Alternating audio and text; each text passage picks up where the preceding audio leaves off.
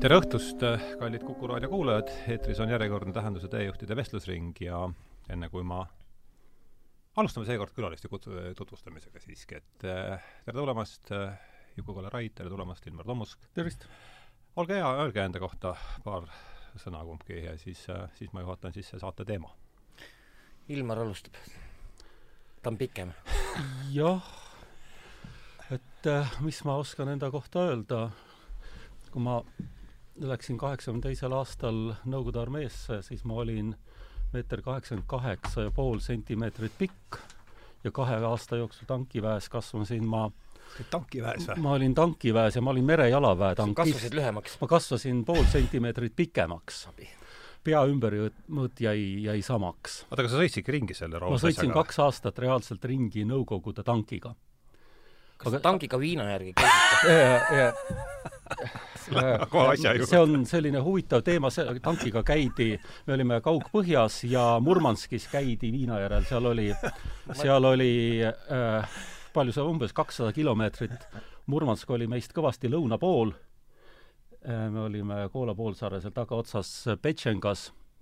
Ja parasjagu ühe, ühe tanki motoressurss läks selle, selle käigu peale ära, aga seda väga tihti ei saanud teha aga, aga mõnikord äh, käidi tõesti ja, ja kui ma siis sealt tagasi tulin, enne kui ma sõjaväkke läksin, siis ma plaanisin hakata kehalise õpetajaks, astusin ka ülikooli sisse, aga seltsimees Brežnev äh, suri sel ajal ära ja, ja hästi Kaks, palju poisse võeti, võeti äh, ülikooli pingist otse sõjaväkke, mind võeti otse basseinist sest ma sooritasin neljasaja meetri vabaujumise eksamit sel ajal võeti otse basseinist, viidi sõjaväkke, kaks aastat olin seal.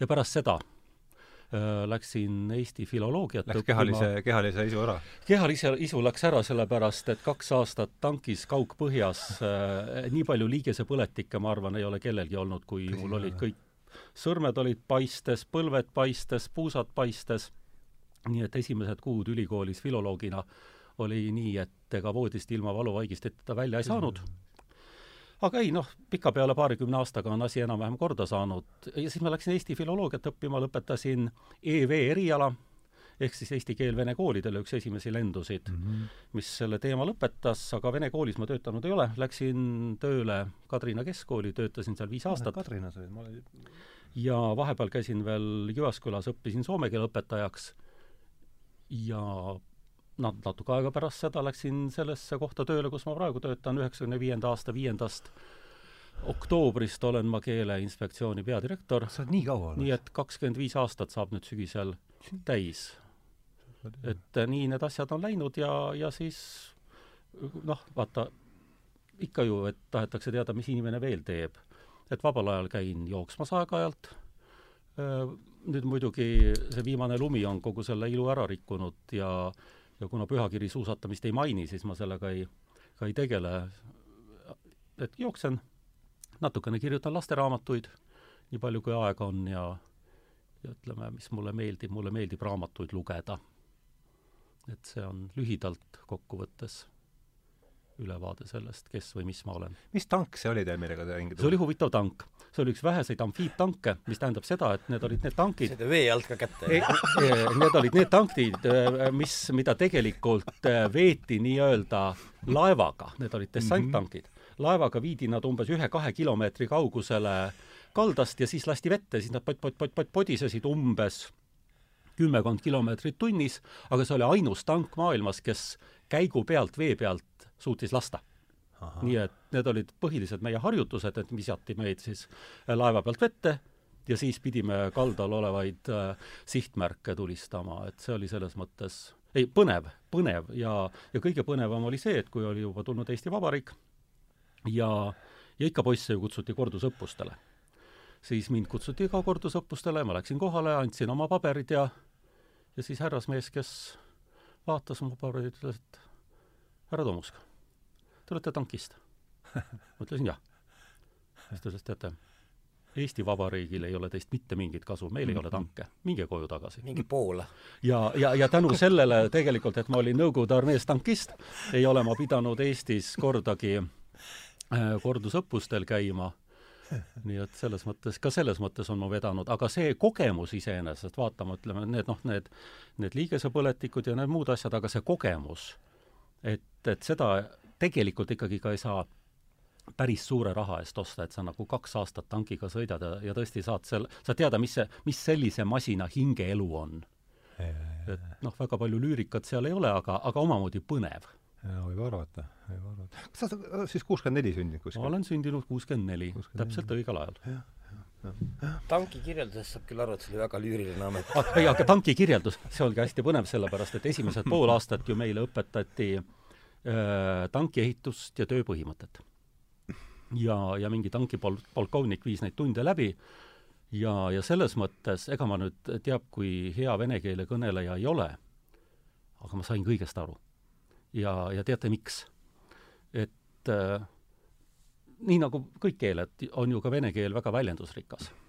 ja tanki ehitust ja töö põhimõtet kirjeldades on võimalik hakkama saada mõne nimisõna ja mõne verbiga neid tuletades. ma ei hakka neid äh, sõnu ma arvan, et need on, need on kaks roppu, need on kaks roppu sõna, millega osatakse vene keeles kõike välja. just nimelt, ja tanki puhul kõik liikuvad osad, neid nimetatakse ühtemoodi ja need, mille sees osad liiguvad, neid nimetatakse teistmoodi nii et sel-, selles mõttes oli see küllalt, küllalt huvitav. nagu bioloogia põhimõtteliselt. selles on oma lüürika kahtlemata olemas. omamoodi ka keelekursus. et kui Rudolf Rimmel kirjutas kunagi luulekogu Lüüriline miilits, siis sina võiksid kirjutada Lüüriline tankist täiesti ma tegelikult olen ühe sellise raamatu kirjutanud umbes kolmkümmend aastat pärast seda, kui ma siis sealt äh, sõjaväest tagasi tulin. meenus mulle, et äh, ma kirjutasin päevikuid sel ajal, ma pidasin päevikuid kui ma sõjaväest tulin ja, ja sel samal päeval, kui ma siis Eestisse tagasi jõudsin, ma viskasin need päevikud ära, aga mul oli enam-vähem meeles, mis ma sinna olin kirjutanud ja siis ma kirjutasin ühe raamatu Kuue kuuga tankistiks. see on, noh, poelettidel seda enam saada ei ole, aga, aga seal on siis minu kaheaastase tankisti karjääri mälestused ja, ja noh, mu vanem õde näiteks, kes seda raamatut luges, ta ütles, et pool raamatust ta nuttis ja pool raamatust ta naeris. sest et seal oli väga traagilisi asju, aga oli ka väga naljakaid asju. no nii, aga mis on sinuga isiklikult kokku puutud Tankidega. tankidega, jah? eriti mind ei, ei, ei ühenda äh, inspektor ega mitte midagi muud, kuivõrd see, et, et kui sina oled olnud kakskümmend viis aastat keeleinspektor, siis mina olen teinud kakskümmend viis aastat ajalehte Keskus aga, aga kogu sul on ka kakskümmend viis aastat viis, jah. omamoodi traagiline, eks ole. noh, ütleme, see vene mehaaniline traagika ja lingvistiline see, seetõttu jääb küll ära, et me oleme ikkagi eesti keelest jäänud ilma eh, igasuguseid protseduure venekeelsete roppustega nimetamata. aga traagiline on kõik asjad, mis kestavad kakskümmend viis aastat, jumal küll, loomulikult aga kui me meenutame tsaari armee teenistust, siis see oligi kakskümmend viis aastat ja elu pärast seda ju alles alles algas Al. alles lõppes tegelikult. alles, alles algas, siis tuli noormees sõjaväest tagasi ja, ja hakkas, hakkas oma elu elama. nii et see oli ka traagiline, nii et igasugune veerandsada on aga, aga siin ei, see kakskümmend viis, kui sa mõtled selle peale, et sa oled nüüd kakskümmend viis aastat ajakirja teinud ja või ajalehte või kumb ta on? ma ei, mina ei tea. jah, midagi sellist, ütleme, et, et äh, jällegi teadlased ütlevad, et äh, oodatav eluiga ju tõuseb ja kui sina oma tervise eest hoolt kannad, siis järgmise kakskümmend viis aastat sa võid mingit muud ajakirja veel rahulikult toimetada ja, ja jääb veel aega üle võib-olla memuaaride kirjutamiseks. tankiga sõitmas käia. kas või, kas või, võib-olla selleks ajaks on Eestis, Eestis oma tankid olemas ja nüüd on jah, nüüd on lihtsam väga kena, lähme siis teema kallale, et täna meil on kirja, üks vaatlusel üks teos, ma siit suure kiiruga tankiteemalist luuletust tankiteemalist jah, teksti ei leidnud, küll aga lähim on äh, rong, millest võiks rääkida et äh, tekst kastab, luuletus kastab siis pealkirja Sõja eelõhtul. ja loen selle siis ette. vanad seinad, seenest söödud, raudtee läheb mööda. tuhat korpa, tuhat korda kulpi löödud, mida küll ei lööda rängast rahandusreformist keegi siin ei kõssa, nagu kartes sügistormist kasvab paksal võssa. kassamasin toodud Taanist näitab kümmet senti. Minut tilgub joogikraanist, uhub vundamenti. sõda pelgab salamahti golfipükstes Valdo. kassapreilil otsad lahti, debet, kreedit, saldo. juuksed läbi pehkinud löög- eh,, juuksed läbi pehkinud luugi ripuvad kui nöörid. kassad lahti, ma ei muugi, mis sa surnust nöörid ujub taevaaltarile kuuse tähe karjus, kostab äkki tere, ärev vile, rong veel metsavarjus. mitu aastat pole nähtud siia sõitvat rongi, kõik on muutuv, millest lähtud, selles asi ongi. et äh, see värss juhatab siis sisse tänase tänase saate teema, milleks ei ole mitte see suur äh, teos, milleks, mis on siis Jüri, Jüri, Jüri Üdi ja Juhan Viidingu kogutud luuletused, aga ka konkreetselt siis seitsmekümne neljandal aastal ilmunud äh, luulekogu Selges eesti keeles. et äh, olen teid siis kutsunud seda, seda luulekogu, sellel luulekogu teemal rääkima ja ma mõtlesin, kust hakata pihta. Juku, sa oled seitsmekümne kolmanda aasta sündinud, eks? ma olengi täpselt seitsekümmend neli sündinud. seitsekümmend neli sündinud, samal jah. aastal, kui see raamat sündis mm. -hmm. sa oled ikka väga noor inimene siis ju? tankisti jaoks on kõik teised inimesed noored, see on alati selge aga mõtlesin, et hakkaks pihta, et mis seitse, Eesti aastal seitsekümmend neli, vaata, pakuks sellise esimese teema välja. Sinu mälestused on tõenäoliselt küllalt nullilähedased, ütleme niimoodi aga sul juba midagi on, Ilmar, ka isiklikku mälestust, ma kujutan ette, isegi mul on seitsmekümne neljandast aastast äh, sa oled sündinud kuuskümmend kuus. kuuskümmend kuus, sa oled ka väga noor mees. ma olen, nojah. jah, seitsekümmend neli oli, see on iseenesest väga huvitav aeg, loomulikult mul on isiklikud mälestused, ma käisin koolis sel ajal juba, ma läksin mhm. seitsekümmend üks esimesse klassi ja sellest on mul esimene mälestus see, et see oli tohutult suur kool kõigepealt mind pidi pandama kust sa oled pärit? ma olen Mustamäelt pärit Mustamäelt, äh, ja avati seitsmekümne esimesel aastal Tallinna kolmekümne teine keskkool millega ma olen siiamaani seotud, ma annan seal tunde praegu, mu mm. abikaasa on seal inglise keele õpetaja, meie lapsed on seal õppinud, meie sugulaste lapsed on seal õppinud, õed-vennad on kõik seal õppinud. aga see oli vist mingil ajal ajaloo kallakuga, eks ole? Äh, ajaloo, teatri, hästi palju teatriinimesi on sealt tulnud, mina sain sealt autojuhi load, meil oli ka autokallak, aga, aga see oli huvitav kool ilmselt äh, oli ta mingil hetkel Eesti NSV kõige suurem kool, seal mm. oli üle kahe tuhande õpilase. kus see asub täpselt? siis oli Mooni sada, praegu on Kiili kümme. orientiiriks on Kiili tänava Maxima. Kiili tänava Maxima kõrval, siis oli ta abc seitse.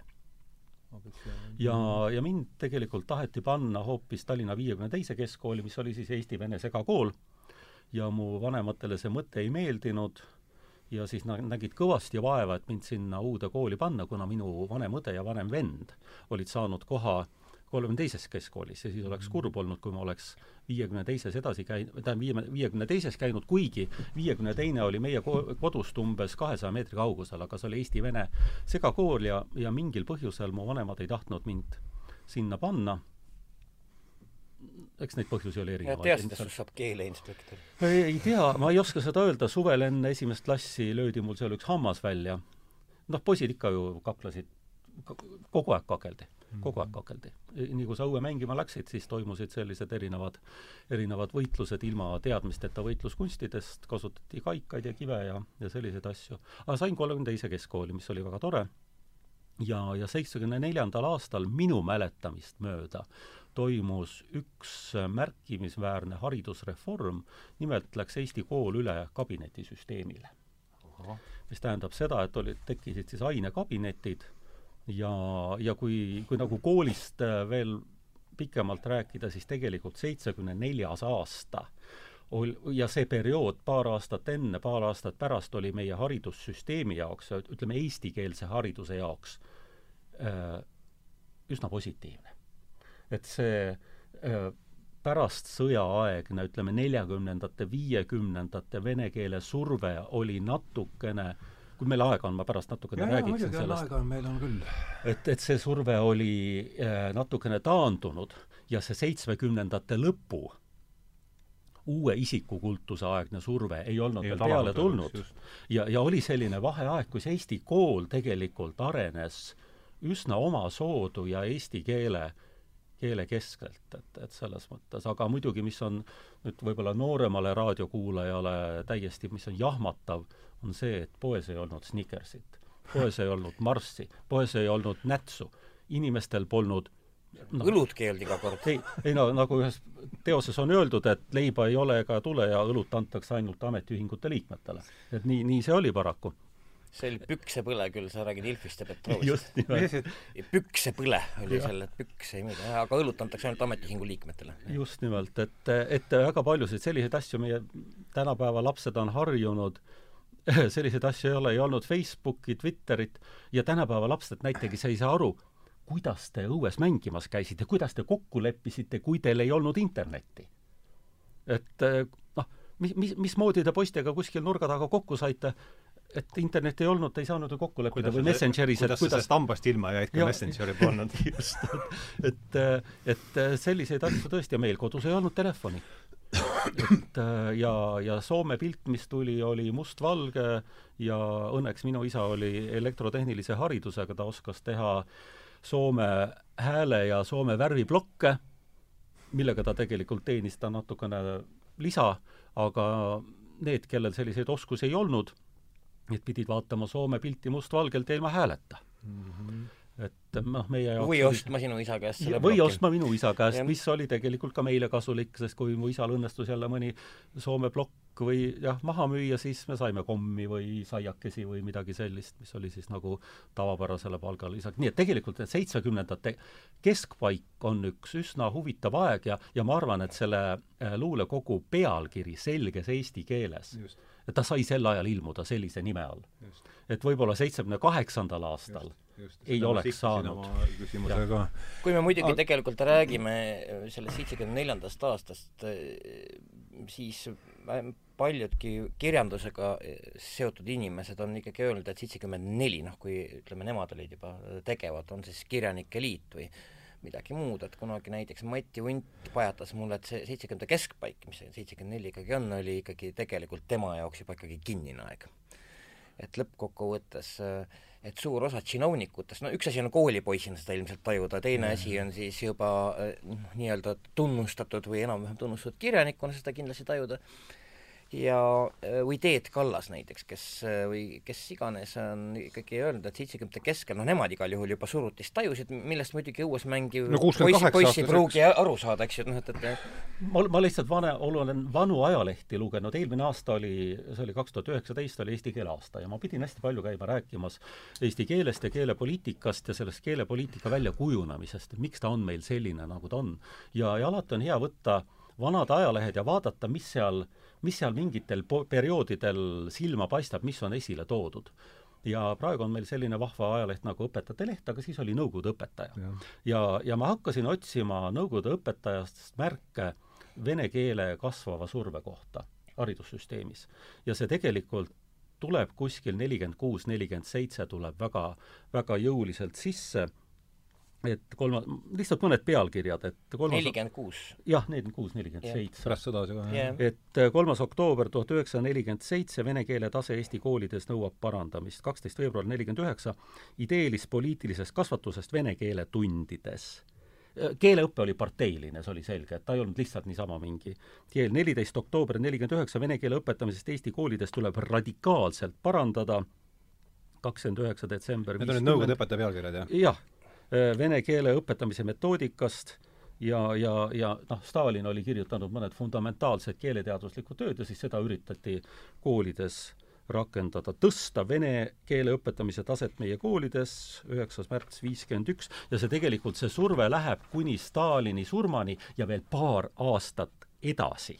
ikka viiekümne kuuendani ta, ta enam-vähem lähebki. viiekümne kuuendani. Hruštšovi kõneni siis ja, ja, ja sealt edasi ta, sealt edasi ta taandub, räägitakse kordamööda nii eesti keele õpetamisest kui ka vene keele õpetamisest. viiskümmend kuus kuni kuuskümmend kaheksa tõenäoliselt on see, eks äh, tegelikult ütleme, jah, ütleme kuuskümmend kaheksa võib-olla. seitsekümmend võib-olla. Äh, noh, siia ütleme kuuskümmend kaheksa oli pööre selles mõttes, et Praha, eks. jah, aga, aga, aga kirjanduses oli ka need, et, et, et kui me nüüd isegi räägime, et, et juba kuuskümmend kaheksa, kui me võtame sellesama äh, Jüri Üdi või noh, Juhan Viidingu selges eesti keeles ja noh, selle asja aluseks, siis nende esimene raamat oli ju ilmus seitsekümmend üks Loomingu Raamatukogus, ehkki algatuseks pidi ta ilmuma tuhat üheksasada kuuskümmend üheksa. Mhm. kas seitsekümmend üks oli aastalaat või? seitsekümmend üks oli Närvitrükk. närvitrükk, jah. närvitrükk, kus oli siis Sang, Johnny Pisotam ja, ja see pande niisugune nelik, nelik kogu jah, niisugune kollase peldikuvabari värvi kaantega, et, et mm -hmm. jõledalt välja nägev väga hea raamat.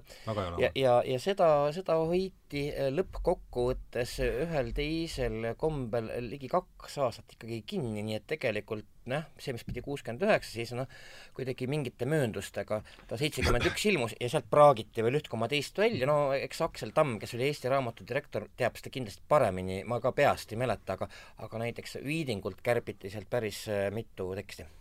Ütle, ütle veel, kas on äh, närvitrükk pidi olema esimene Viidingu kus no ta on jah, ta on nagu ühiskogu jah, et, et jah, jah. Ja. ja pärast seda samal aastal on detsember la-, jah, õige, õige, õige, jah, muidugi detsember on kõige, ei ole aasta la-, aastalaat on seitsekümmend üks ikkagi.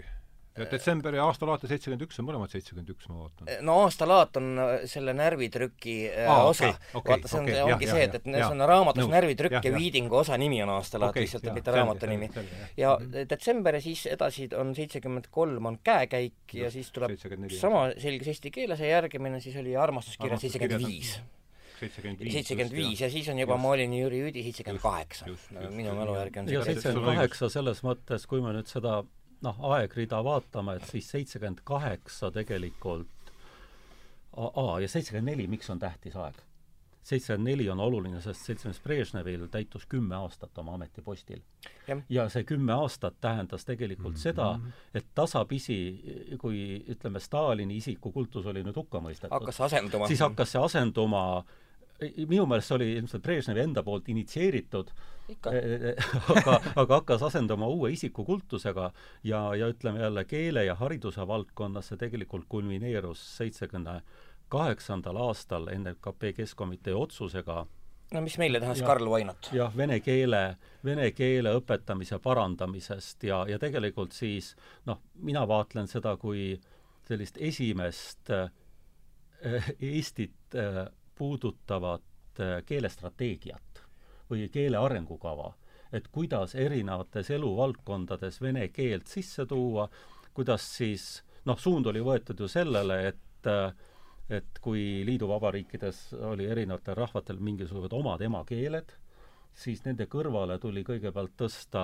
vene keel teise emakeelena ja, ja kaugem eesmärk oli siis koos Nõukogude inimese valmis kasvatamisega kasvatada ka ühte ühtset emakeelt kõnelev Nõukogude rahvas. ja ma tuletan meelde ka sellist haridusministrit tollest ajast juba siis nagu Pudru-Elsa elik Elsa Just, Gretškina no, ja, ja kui mina läksin kooli, siis oli aasta kaheksakümmend üks, siis oli vene keel esimesest klassist muuseas, mida ilmselt sinul ei olnud absoluutselt ei, meil oli vene keel teise, teisest klassist, aga, aga mis, mis meil hakkas tulema, kui me läksime keskkooli, ehk siis seitsekümmend üheksa, siis oli sõjaline algõpetus, no praegu räägitakse ju väga palju äh, LAK-õppest ehk siis lõimitud aine- ja keeleõppest, meil oli sõjaline algõpetus, mis oli vene keeles, meie kooli oli toodud mõningaid õpetajaid juba selle eesmärgiga teistest liiduvabariikidest, Moskvast, Leningradist, venekeelseid õpetajaid, kes sõnaga eesti keelt ei osanud, noh aga et... kellele sai äh, valesti tõlkida jälle samas, siis sai palju nalja,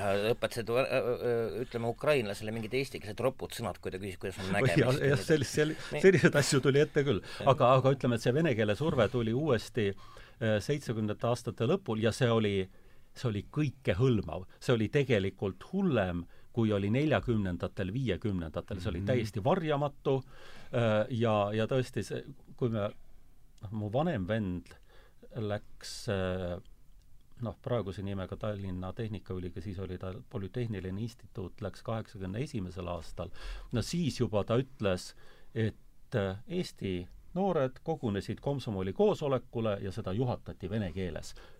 eestlasest komsomoli juht juhatas eestlastest komsomoli koosolekut vene keeles.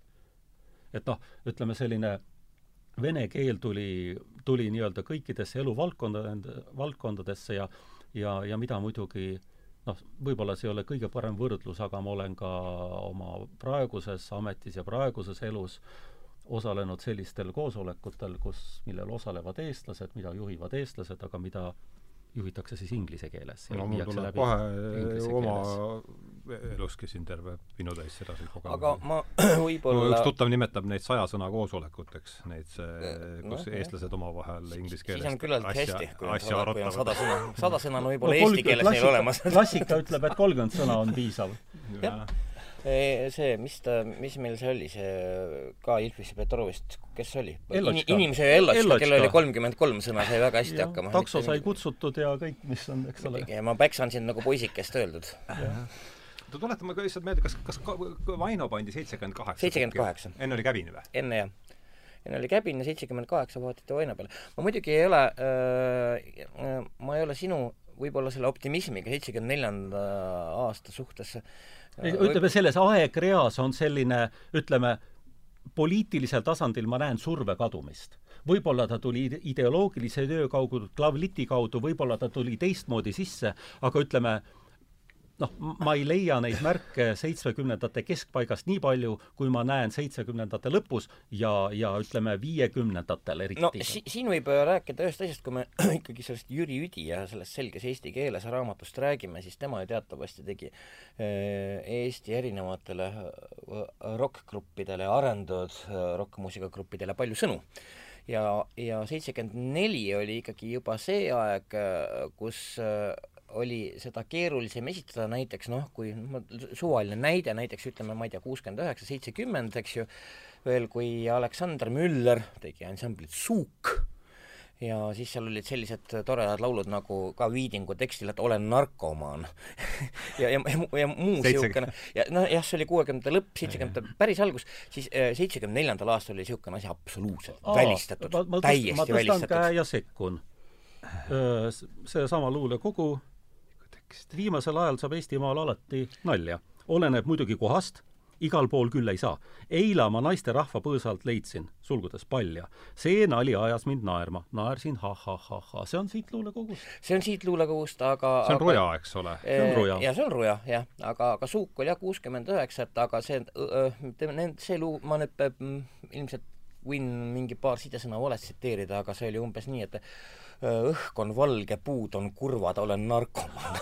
Minu tüdrik, tüdruk sõitis ära, eks ju, lemok-remona, et et noh, see on nagu niisugune hipinduse hõllan- ja vabaduse mm -hmm. hõllanduse asi, et ütleme, see äh, nalja saamise luuletus pigem, pigem pigem viskab, pigem viskab jah, sellise niisuguse olmemöla üle nalja. vaadata ühiskonnakriitilisena mhm. isegi, et just, et ma arvan, et, et selle, selle tekstiga kindlasti ei tekkinud Viidingul probleeme küll aga jah, tõepoolest, et kui me isegi jah, võtame, no ma ei, ei peagi kas see oli õhk on valge, puud on kurvad või? jaa, õhk on valge, puud on kurvad, olen narkoman. et on nagu niisugune sõnum, eks ole ju, Nõukogude Eestis, et, et noh, et, võis panna tsensori kukal krotsima võis küll, aga noh, et tsensor ei tea, mis värvi õhk on puud on kurvad või ei ole. mis on, mis on äärmiselt huvitav selle, sellesama Eestimaal nalja saamise juures on see, et kommentaar, koomik ja kaldkriipsude vahel In Estonian on siia kirjutatud ja. kenasti kommentaariks juurde, nii et see on selles mõttes... Eestimaa nalja saamise loos? jaa, jaa.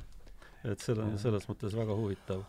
aga, aga äh, lõppkokkuvõttes äh, kui me nüüd tuletame ka meelde võib-olla äh, veidike noh, need, need asjad on ilmselt erinevad, et, et kuidas keegi seda surutist tundis, no mina jah, sündisin, mina ei tea, ma tean oma sõprade kaudu, kes, kes oli kas lavaka lõpetanud ja tegi ja midagi ja, ja nii edasi, nii edasi, et nad jah, ega tegelikult seitsekümnendate teine pool, nemad väitsid, et, et see oli hästi tunda, et pekkis, et asi kisub pekki. et noh, ei no või, on võimalik et seda tundsid ka rohkem need, kes viiekümnendate pekkis olemist noh, ei olnud tundnud, ei olnud okay. tundnud, et ja, nende ja. jaoks oli no, see, oli, oli see palju sündis, eks ju, mis ta on, nelikümmend kaheksa või? Mhm.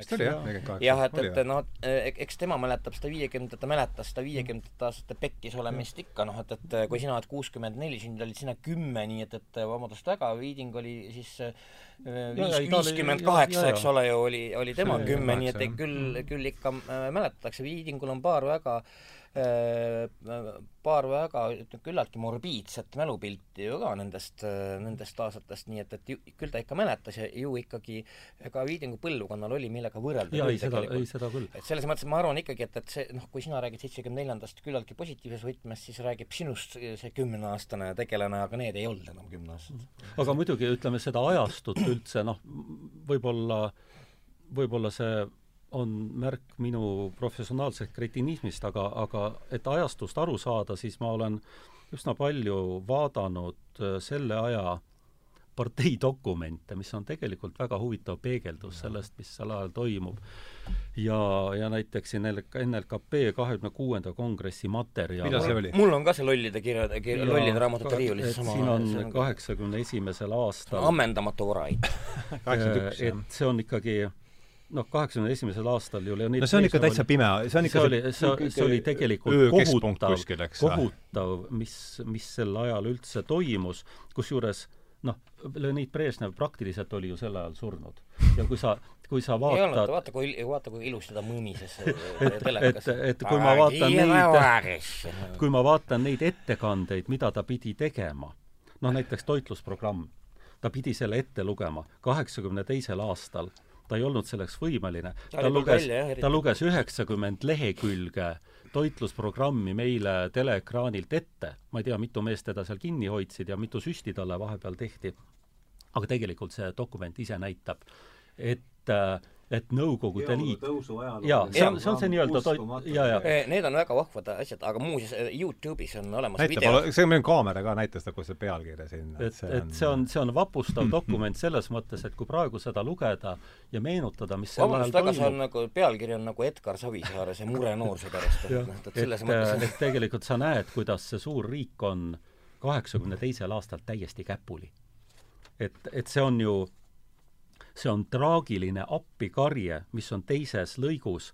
kavandatavate abinõude eesmärk on võimalikult lühikese ajaga tagada meie maa elanike kindel varustamine toiduainetega. kaheksakümne teine aasta et mind küll ei pane see eriti imestama, minul on just eredad meeles, sest ma olin umbes kaheksane ja ma mäletan kogu aeg, et pidevalt pidi mööda sabasid tolknema, eks ole ju, et nagu ema-isa ei saanud poodi minna, siis ikkagi piimasabast kuhugi mujale sappa, eks ju, et, et noh kas nad, millal nad selle Lääne-Siberi nafta leidsid, neil hakkas valuutat tekkima? ma korraks selle Brežnevi kohta ütlen veel lihtsalt, et, et kuulajatele, et kui te mhm. panete Youtube'i sisse Brežnev, soovitavalt kirillitsas siis äh, tuleb sealt äh, vanu kesktelevisiooni materjali, mis siis jäävad siis enne ja pärast seda ametlikku teksti ettekandmist, see on siis see, kuidas Brežnevit istutatakse nagu lillepotti tooli peale kuidas mingid tüübid siiberdavad Need on olemas, jah? jaa, need on täitsa Youtube'is olemas, tõesti. siiberdavad Brežnevi ümber, kuidas ta köhib seal ja, ja mitu korda alustab, kõik läheb pekki, eks ole, siis vahetatakse paber ära, sealt kõne on vale ja noh, nii edasi. ja see on, see on äärmiselt julgustav. Ega sina, ega sina ei näinud Vänkudel on mingi kuueosaline seriaal Šakuroviga, Šakurov mängib ja olen näinud päris hea oli see oli väga suurepärane ja, ja, ja see näitas Brežnevi äh, hästi mitut poolt, et noh, selles mõttes, et Brežnev, äh, noh, me oleme harjunud, et ta oli selline tudisev hall vanak, eks ole. ta oli päris möllumees kuuekümnendatel. aga, aga tegelikult, tegelikult äh, oli ta noh, ütleme sellisest kindlast tüübist, kellest keegi väga palju oodata ei taha, ei teadnud, eks ju, osutus ta äh, sellest kuvandist ikkagi küllaltki palju targemaks, sellepärast et see, kuidas ta oma kõik vastased Hruštšovi maha võttes, nurka mängis see näitab, et te-, tegu ei olnud kaugeltki mingi no, äh, imbetsilliga. imbetsilliks, selleks oli tal veel aega muutuda. saariks ikka päris ei tõuse ilma, jah. Äh, ja, ja, ja Sokolovski ja noh, ühesõnaga neid raamatuid on ka eesti keelde tõlgitud noh, vähemalt kolm ma kohe tean, mida, mida võin noh, Brežnevist, mis räägib ka ajastust, tegelikult on, ole, on see täitsa õpetelik lugu. see on, see on, see on hästi huvitav, mis mulle veel meeldib, on Eesti NSV konstitutsioon. Ja, ja ka selliseid dokumente on väga, väga huvitav lugeda, siin on, see on, ütleme noh, paremat elu sa ei suuda ette kujutadagi, aga kui sa mõtled mõne sõnastuse peale, näiteks paragrahv kolmkümmend neli, eri rassidest ja rahvustest Eesti NSV kodanikel on võrdsed õigused ja neil on võimalus kasutada emakeelt ja teiste NSV Liidu rahvaste keelt. mitte õigus, vaid võimalus. ja võimalus on suhteline asi õigus haridusele on kõikidel, aga neil on võimalus õppida koolis emakeeles mm. -hmm. ja, ja, ja tegelikult see see seitsmekümnendate nii-öelda venekeelse hariduse programm, see ju et ei saa öelda, et konstitutsiooniga vastuolu läks? ei, see ei olnud, et põhimõtteliselt võimalus oli, no me teame, mis mõnes teises liiduvabariigis toimus, et seda võimalust eriti ei kasutatud ja muidugi Kesk-Aasia liiduvabariikides, kus ma ise sel ajal käisin, ma tegelesin sel ajal üsna aktiivselt tehnikaspordiga ja käisin automudelisport. no see ei ole sport, aga ja, see on selline tehnika, tehnika asi. tankid, autod, väga hea. ja, ja ütleme, Kesk-Aasias, Ukrainas ja igal pool ja, ja seal nagu mulle jäi selline mulje, et need, kes olid vene keele ära õppinud ja oma emakeelest loobunud, nemad tundid, tundsid ennast palju paremini kui need, kes külades elasid ja oma emakeelt rääkisid. et prestiižne oli vene keelt rääkida no,. ja mitte ainult, mitte ainult Kesk-Aasias, et, et äh, sedasama me näeme tegelikult tänase päevani kõikide soome-ugri väikerahvaste juures paratamatult ja kes nagu meeleheitlikult püüdsid oma mari, komi, urmurdi keelt jumala eest ära unustada, vähe sellest, et kui kuhugi keskusesse oli võimalik saada, siis iga kell, igal juhul, igal võimalikul mm -hmm. juhul varjata üleüldse, et sa oled kusagilt, ma ei tea, Udmurdi külas veel hullem mingi Sölkup või kurat teab kes, eks ole, et noh, et et et noh, nii graamatnõi. no mitte ainult nii graamatnõi, aga, aga teise järgu kodanik Mhm. kodanikkond siis, kellel ei ole kultuuri, midagi, kellel ainult alles suur vene mhm. rahvas ja nõude võim võimaldas, eks ju, mingi, mingigi hariduse, me teame muidugi, et see on bullshit absoluutselt, aga noh kui mina läksin sõjaväkke töötab siiamaani paraku. Äh, kui ma läksin sõjaväkke, no muidugi ma olin keskkoolis äh, vene keelt õppinud ja, ja ma, ma suutsin lugeda ja kirjutada vene keeles eesti keelele lisaks, aga sellele vaatamata öeldi minu kohta, et ma olen kirjaoskamatu mm. -hmm. sellepärast, et mul ei olnud vene emakeel mm. -hmm. no nii grammatne. et äh, jah, kuigi oma sellele praporšikule ehk siis lipnikule, kes ei viitsinud oma poliitilisi ettekandeid kirjutada, ma kirjutasin need talle vene keeles valmis ja ma sain selle eest kas mõne puhkepäeva või midagi, sain teed sa tegid paar mehkisnaki viga, aga noh. Ei, tead, sa isegi ei kirjutanud, ei, sellepärast et ma teadsin, kus kohalt maha kirjutada. no ja muidugi, see on et oli siis Nastraža Zapoljari või aga, aga üks väga huvitav raamat, jaa, üks väga huvitav raamat on veel ideoloogia poli-, ideoloogiatöö ja poliitilise kasvatustöö edasisest parendamisest ja siin on üks väga huvitav, see on aastast seitsekümmend üheksa. Nii, lase tulla. arendada propaganda ja agitatsiooni ründavat iseloomu vot tähendab, see, see, mida ma näen nagu seitsmekümnendate teisest poolest, et see on lihtsalt niisama hea tahteavaldus, vaid, vaid siis äh, Nõukogude võim asus rünnakule. Tead, tegelikult see äh, rünnak ja siis kogu aeg lihtsalt asi oli selles, et, et, et või vast võib-olla ühiskonnas ei pandud seda e, nii hullult tähele või siis ei rakendatud või noh, tõepoolest võib-olla ei kogutud, kogunetud punanurkadesse suurte hulkadega ja kiiresti, eks ole ju, ja ei loetud seda üksteisele ette. Analoogseid raamatuid on ilmunud nii Hruštšovi ajal, ma Stalinist ei räägigi, eks ole, kui Brežnevi algusaastatel, kui see oli veel noh, küllaltki noh, võrreldes hilisemaga liberaalne ja mingil moel plastilisem aeg, niisugune kräpp ilmus kogu aeg. ja ma tuletan meelde ka seda, et, et see kräpp võis olla mõnikord väga kasulik, et kui sa seda kaasa haarasid, siis sellest sai normaalseid raamatuid. et mõnikord oli juhtus Brežnevi, nii-öelda Brežnevi pakike oli. Brežnevi pakike jah, et, et sa tegelikult võisid äh, kuhugi vanapaberi punkti viia kümme kilo niisugust kräppi ja siis sa said mingi, mingi vautšeri, millest sa võisid osta näiteks lennujaama. lennujaama ja noh, see oli, see on üks legendaarne variant, äh, see lennujaam, äh, aga, aga neid oli veel.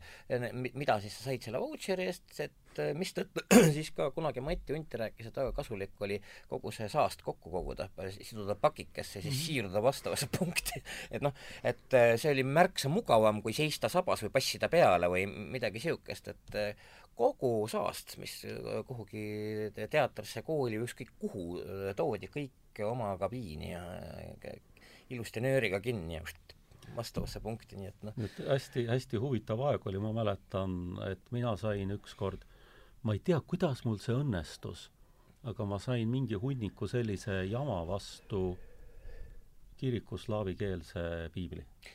täitsa võimalik. Äh, selle, sellise jama vastu, see oli nagu põhimõtteliselt oli, mu, mu naaber oli kunagi noh, kaheksakümnendate algul oli äh, väga huvitav inimene, oli olnud kunagine laevakokk, siis oli ta parasjagu kaltsu kaupmees, lätlane, kes oli unustanud laev, laev Lermontovi peal või? Eh, la-, laev Lermontovi peal, kui sa Viidingut eh, tsiteerid, siis ta ei olnud laev Lermontovi peal. aga ta oli lätlane, kes oli ära unustanud läti keele ja vene ja eesti keelt polnud selgeks õppinud. et, et siis temaga oli, selles mõttes olid väga intellektuaalsed mm, noh, küllaltki sportlikud, huvitavad vestlused. ja tema oli kaltsu kaupmees ja, ja mis ma tuletan meelde ka, igasuguse öö, kaltsu ja vana paberi eest võisid sa saada ka kilo apelsine, kui vedas.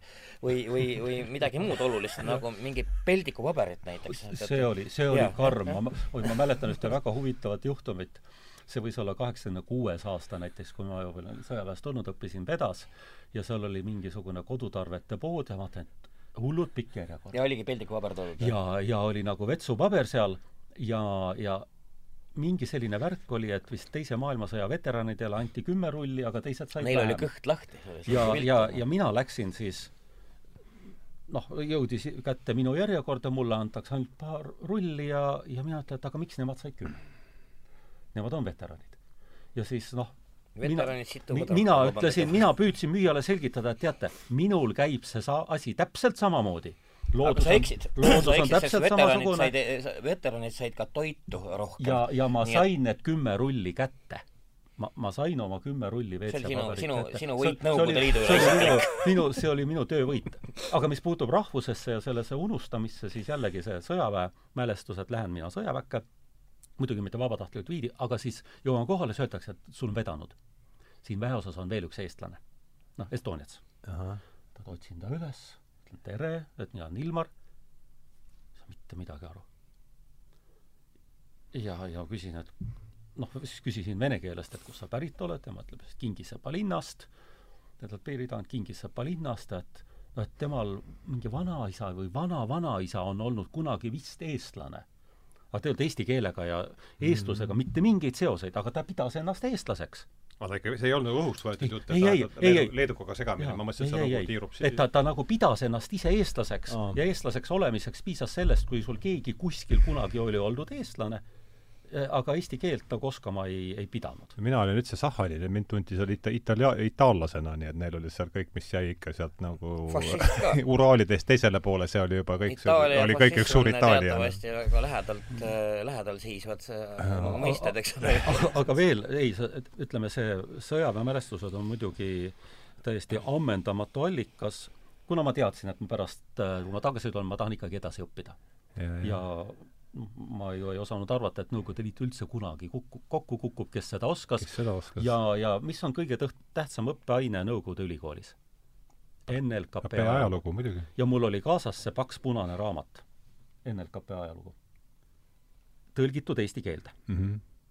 ja siis mingisugused ohvitserid leidsid, et mul on kapis, minu hüüdnimi sõjaväes oli Gans sellepärast et ma olin ju eestlane, ehk siis sakslane no,. ja kirjutasin kirju koju saksa täiesti saksa täht-, saksa tähtedega. ja, ja siis äh, see minu öökapis on siis NLKP ajalugu, mehed leiavad selles, ütlevad, Kants, sul on riigivastane raamat. miks sa loed riigivastast raamatut? kirjutatud saksa tähtedega. ja teate, mis mind päästis? venekeelne lühikokkuvõte, kus oli sõna, sõna Brežnev, siis ma näitasin. vot Brežnev. siis nad said aru, jaa, see on õige raamat, sa võid seda lugeda. jah ja,, ei segadust. muidugi imeline, Brežnev ise oli ka teatavasti suur kirjanik, et umbes seitsekümne neljandal aastal ta kukkus ja. ju endale kohutavalt ordeneid külge kleepima, eks ole, et, et noh, enam-vähem nii oligi. Neid, neid raamatuid, mul on need riiulis ka olemas, aga neid ma kaasa võtma ei hakanud väike maailm. ja, ja taassünd ja taassünd, need on jah ega... sealt on pärit üks maailma kirjandusajaloo kõige kaunim lause. kummast? Brežnevist, ma, see oli vist äh, väike, ei, taassünnist.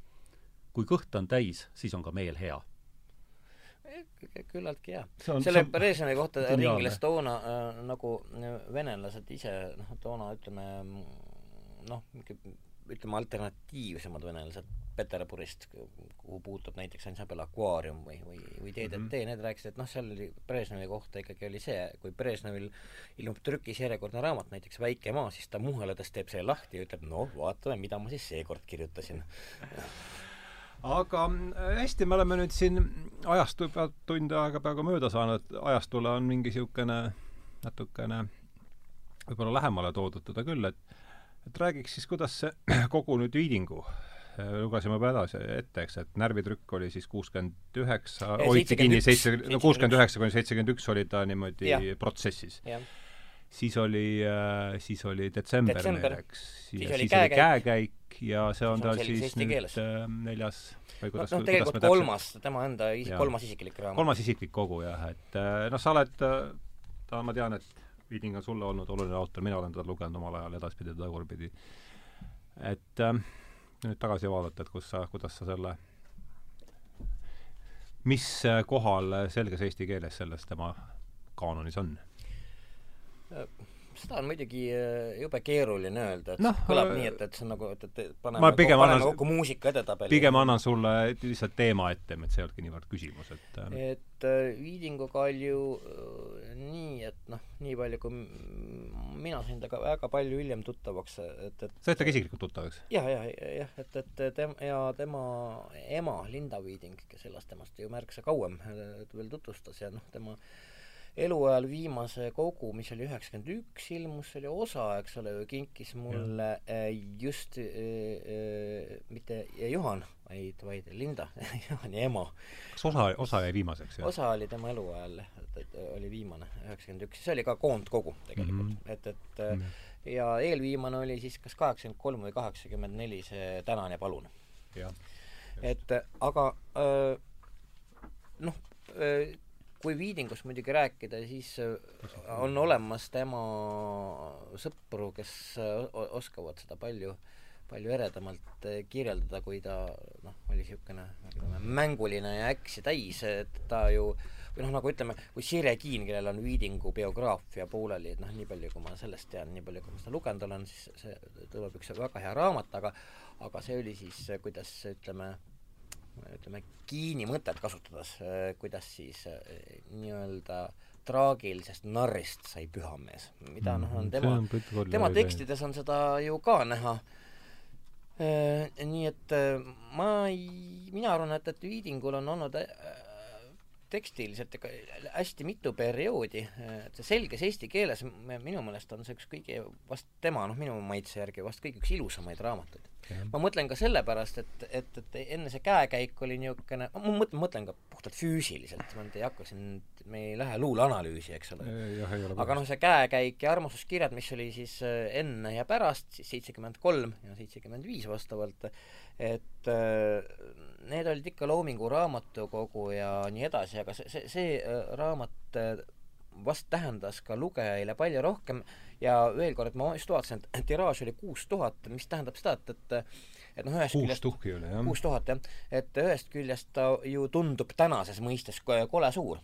aga kui me nüüd mõtleme äh, sellele vähesele normaalsele emakeelsele kirjandusele, mis, mis toona ilmus, siis oli ju fakt oli see, et, et see raamat kadus nagu kahe minutiga igalt poolt. et, et lõppkokkuvõttes on see tänaseni hästi haruldane, et kui sa neid Loomingu Raamatukogu äh, viidinguid äh, ja noh, muudki võid ikkagi enam-vähem kuskilt osta eest või raamatukoist või kusagilt saada, siis sellega on veidi sutsu keerulisem. et, et, et kui me paneme toonasesse konteksti, kus raamatute tiraažid võisid olla viiskümmend tuhat, nelikümmend tuhat ja, ja, ja kuna noh, päris häid raamatuid nimetustena ei ilmunud ka kaugeltki palju ja mis tab siis raamatutel huvitav asi ka, et, et paljudes suvalistes kodudes oli niisugune pruun sektsioon kapp, eks ju, kus pidid need köited lihtsalt olema, et vaevalt, et neid äh, mõni lahtigi tegi, et kui me läheme raamatukäitluse majja Suur-Sõjamäel, siis seal on siiamaani neid nõukaaegseid raamatuid, mis ahmiti kokku, kuradi raisad on isegi lehed lahti lõikamata jätnud, mis tähendab ikkagi ilmselgelt seda, et, et see oli mingi teatud staatuse, suhtumise sümbol, mitte see, et, et seda raamatut tingimata loeti nii et selles mõttes oli see kuus tuhat äh, küllaltki pisikene tiraaž ja, ja ja mõnes mõttes on see jah, selline, juba ka pealkirja poolest oli ta toona, nii palju, kui ma siis olen Viidingu kaasaegsetega rääkinud ja olen seda teinud, oli ta küllaltki märgiline raamat, jah. no see on tollal ikka päris raju pealkiri. selges eesti keeles jah, noh, siin noh, ma ütlen veel kord, et, et, et, sul siin oli õigus, et, et kui sa et noh, oleks üritanud seda seitsekümmend üheksa pealkirjaks panna, see ei ole, see ei välistatud no,. ta pidi ikkagi värge, kerge sula aspekt pidi seal olema. aga, aga üks luuletus, mis mulle tegelikult sellest, sellest äh, kogust võib-olla kõige rohkem meeldib ja, ja mis, mis tegelikult ei ole kõige iseloomulikum luuletus siin. äkki loen siit natukene. väga, väga hea meelega kuulaks. et, et mis sellega seostub, kui liigutavad naelutavad pilgud mm. su vankrit, mida peatama ei pea, siis tunned, et sa sulad, et sa tilgud ja lahustud. kuid millesse? ei tea. Ei ole enam rohtu, mis sind niidaks. Sa surmalastega saad elus üheks pereks, ükskõik mis jõud sind lahutaks või liidaks, kui tuled säält, siin kätt ei anta tereks, humaanne haige varjundeid ei näita, mustvalgel niigi näha katkenud partii, on hingelt ingel doktor, tahaks väita. ta kitli all on vahest tiivadki. ja kui ma seda see on küllaltki suru-, surutisemeelne luuletus. selle peale mõtlen siis tegelikult äh, on üks teine nii-öelda täiesti nii-öelda alla surutud ja, ja, ja minu meelest veel isegi laiemalt avastamata, kuigi ta on väga palju propageeritud ja ta on paljudele jumal, aga avastamata Uku Masing mm., keda, keda, kes nagu siit mulle tun-, ma ei tea, mina ei tunne äh, Tiidingut isiklikult, ma ei tea, millised olid tema seosed, kas ta luges, kas ta ei lugenud, kui palju ta austas, palju ta eeskuju võttis, aga ma näen siin seda seda, seda vaimsust või, või midagi sellist, mis, mis nagu Masingust tuleb? no Uku Masinguga on ikka, ma arvan, et, et see see on vast liiga laia lauaga löödud, see Uku Masing suutis kirjutada nii erinevaid tekste, et, et noh, ikka, ikka ei, väga, väga, väga, väga erinevaid tekste, ütleme absoluutsest modernismist kuni täieliku konservatiivsuseni, et, et ma nüüd ei kujutagi ette. kui sa räägid sellest puhtast vaimsusest, siis tõesti võimalik, aga Viidingu luules on kindlasti märksa rohkem teatrit, kusjuures mitte palagani, aga teatrit, täitsa kohe kindlasti. kui masingul. kui, masingul, jah, absoluutselt. jaa, ei, seda kindlasti, ma just, vot ütleme sellest ma, siin ma nägin seda Masingu vaimsust. see on Viidingu vaimsus, see on täiesti selge. aga kuna mulle endale Masing nagu väga meeldib, siis äh, võib-olla, võib-olla sellepärast mm. ma seda seost siin, siin nägingi ja, ja ma ütlen, et see ei ole selle kogu võib-olla kõige iseloomulikum äh, luuletus üldse aga no haaraks sellest Juku mõttest kinni, et üks võimalus seda ju Viidingu luul-, Viidingu siis seda loometeed iseloomust on, nagu sa ütlesid, et traagilisest klounist eh, pühameheks et.... jah, see oli küll, ma, ma parafraseerisin Sirje Kiini, kelle mõte see oli, jah, et, et aga et kus sa siis sellel teekonnal oled, no vot, jääme selle juurde praegu, et, et kus sa, kus sa selle Eesti, kuhu sa paneksid selle selges eesti keeles? Tõenäoliselt äh, kuhugi enam-vähem vahepeal -hmm. sellepärast et äh, nii paljud teatrid selles ei ole kui varasemates ja ma tuletan ka meelde, et ega siis äh, toona ilmunud luulekogudesse ei sattunud kaugeltki kõik mitte Viidingu luuletused, et, et selles samas pa-, paksuski on avaldamata tekste ja jube palju tekste on veel, mida ta kirjutas lihtsalt sõpradele kuhugi, mina ei tea, suitsupaki peale ja mida on nagu aeg-ajalt näidatud ja, ja, ja noh, mida on ka mõnikord ajakirjanduses avaldatud, aga noh, fakt on ju see, et, et ütleme, see noh, päris ütleme, metamorfoos ka enda rahunemisel või ka pühakuks muutumisel, noh, ma ei, ma küll ei kujuta ette, et Viiding oleks pühakuks muutunud, aga hoiame selle Sirje Kiini mõttest kinni, toimus ikka koos selle raamatuga. Oli, ma olin Jüri Üdin, seitsekümmend kaheksa, eks ole ju. et, et äh, vahepeal on veel üks raamat, see on Armastuskirjad, see on siis seitsekümmend viis, peale mida jäi tal kolm aastat äh, vahele ja ma tuletan ka meelde, et, äh, et ta kirjutas toona märksa vähem, tõenäoliselt siis ikkagi sellepärast, et, et mingi ütleme, mingi teine osa tema loomest tahtis esile tulla, eks ta võib-olla ei olnud harjunud sellega, et mis mm mis juhtuma hakkab, sest et see Ma olin Jüri Üdi on ju koondkogu varasemast äh, pluss äh, näpuotsa täis uusi tekste tegelikult ainult. ja need on, siin on ainult need uued, mis jah, jah, just. Et, et, et selles mõttes, selles mõttes jääb see kuhugi enam-vähem keskele, et, et ütleme lõpuotsa, ütleme, kui me, kui me nüüd läheme jälle Kiini radadele, siis siin, siin me veel äh, Pühakut kindlasti tekstiliselt huvitav, et see ööliblikas on sellest Jüri, Jüri Üdi ööliblikas Tungu nimeline on jah, niisugune luuletus selle, see oli, ma olin, olin Jüri Üdi, sellest on siis ähm, äh, uus luulet- äh,, tähendab ühesõnaga selle raamatu uus luuletus, mida oli näpuotsatäis mm.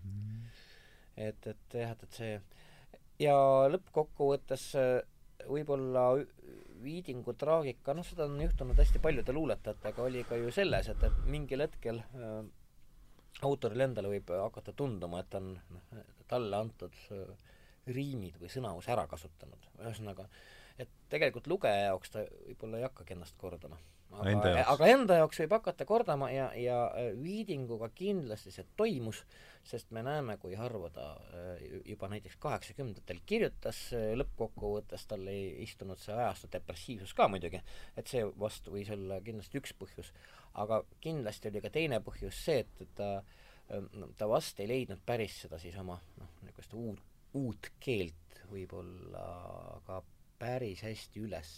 et kui me tuletame näiteks meelde, et kaheksakümne kuuendal aastal, kus siis noh, ta läks juba selliseks eh, noh, veidikene pateetiliseks, sest ma mäletan, ma olin kaksteist, kui, kui Sirbis ja Vasaras ilmus tema luuletus Soov, et noh, jõudu tööle, see on ja, väga ja. püha soov noh, see, see on juba niisugune asi, mida ma kujutan ette, kui Viidingul oleks keegi seda näidanud aastal tuhat üheksasada seitsekümmend, et vaata, millest sa kirjutad mhm. kahekümne mm -hmm. aasta pärast niisuguse luuletuse, siis ta oleks selle venna trepist alla tõuganud ilmselt, noh et, et et selles mõttes see metamorfoos läbi tekstide ja läbi ajastu on tema puhul äärmiselt märgatav sest on ju terve rida luuletajaid, kes ei ole selliseid hüppeid teinud, noh.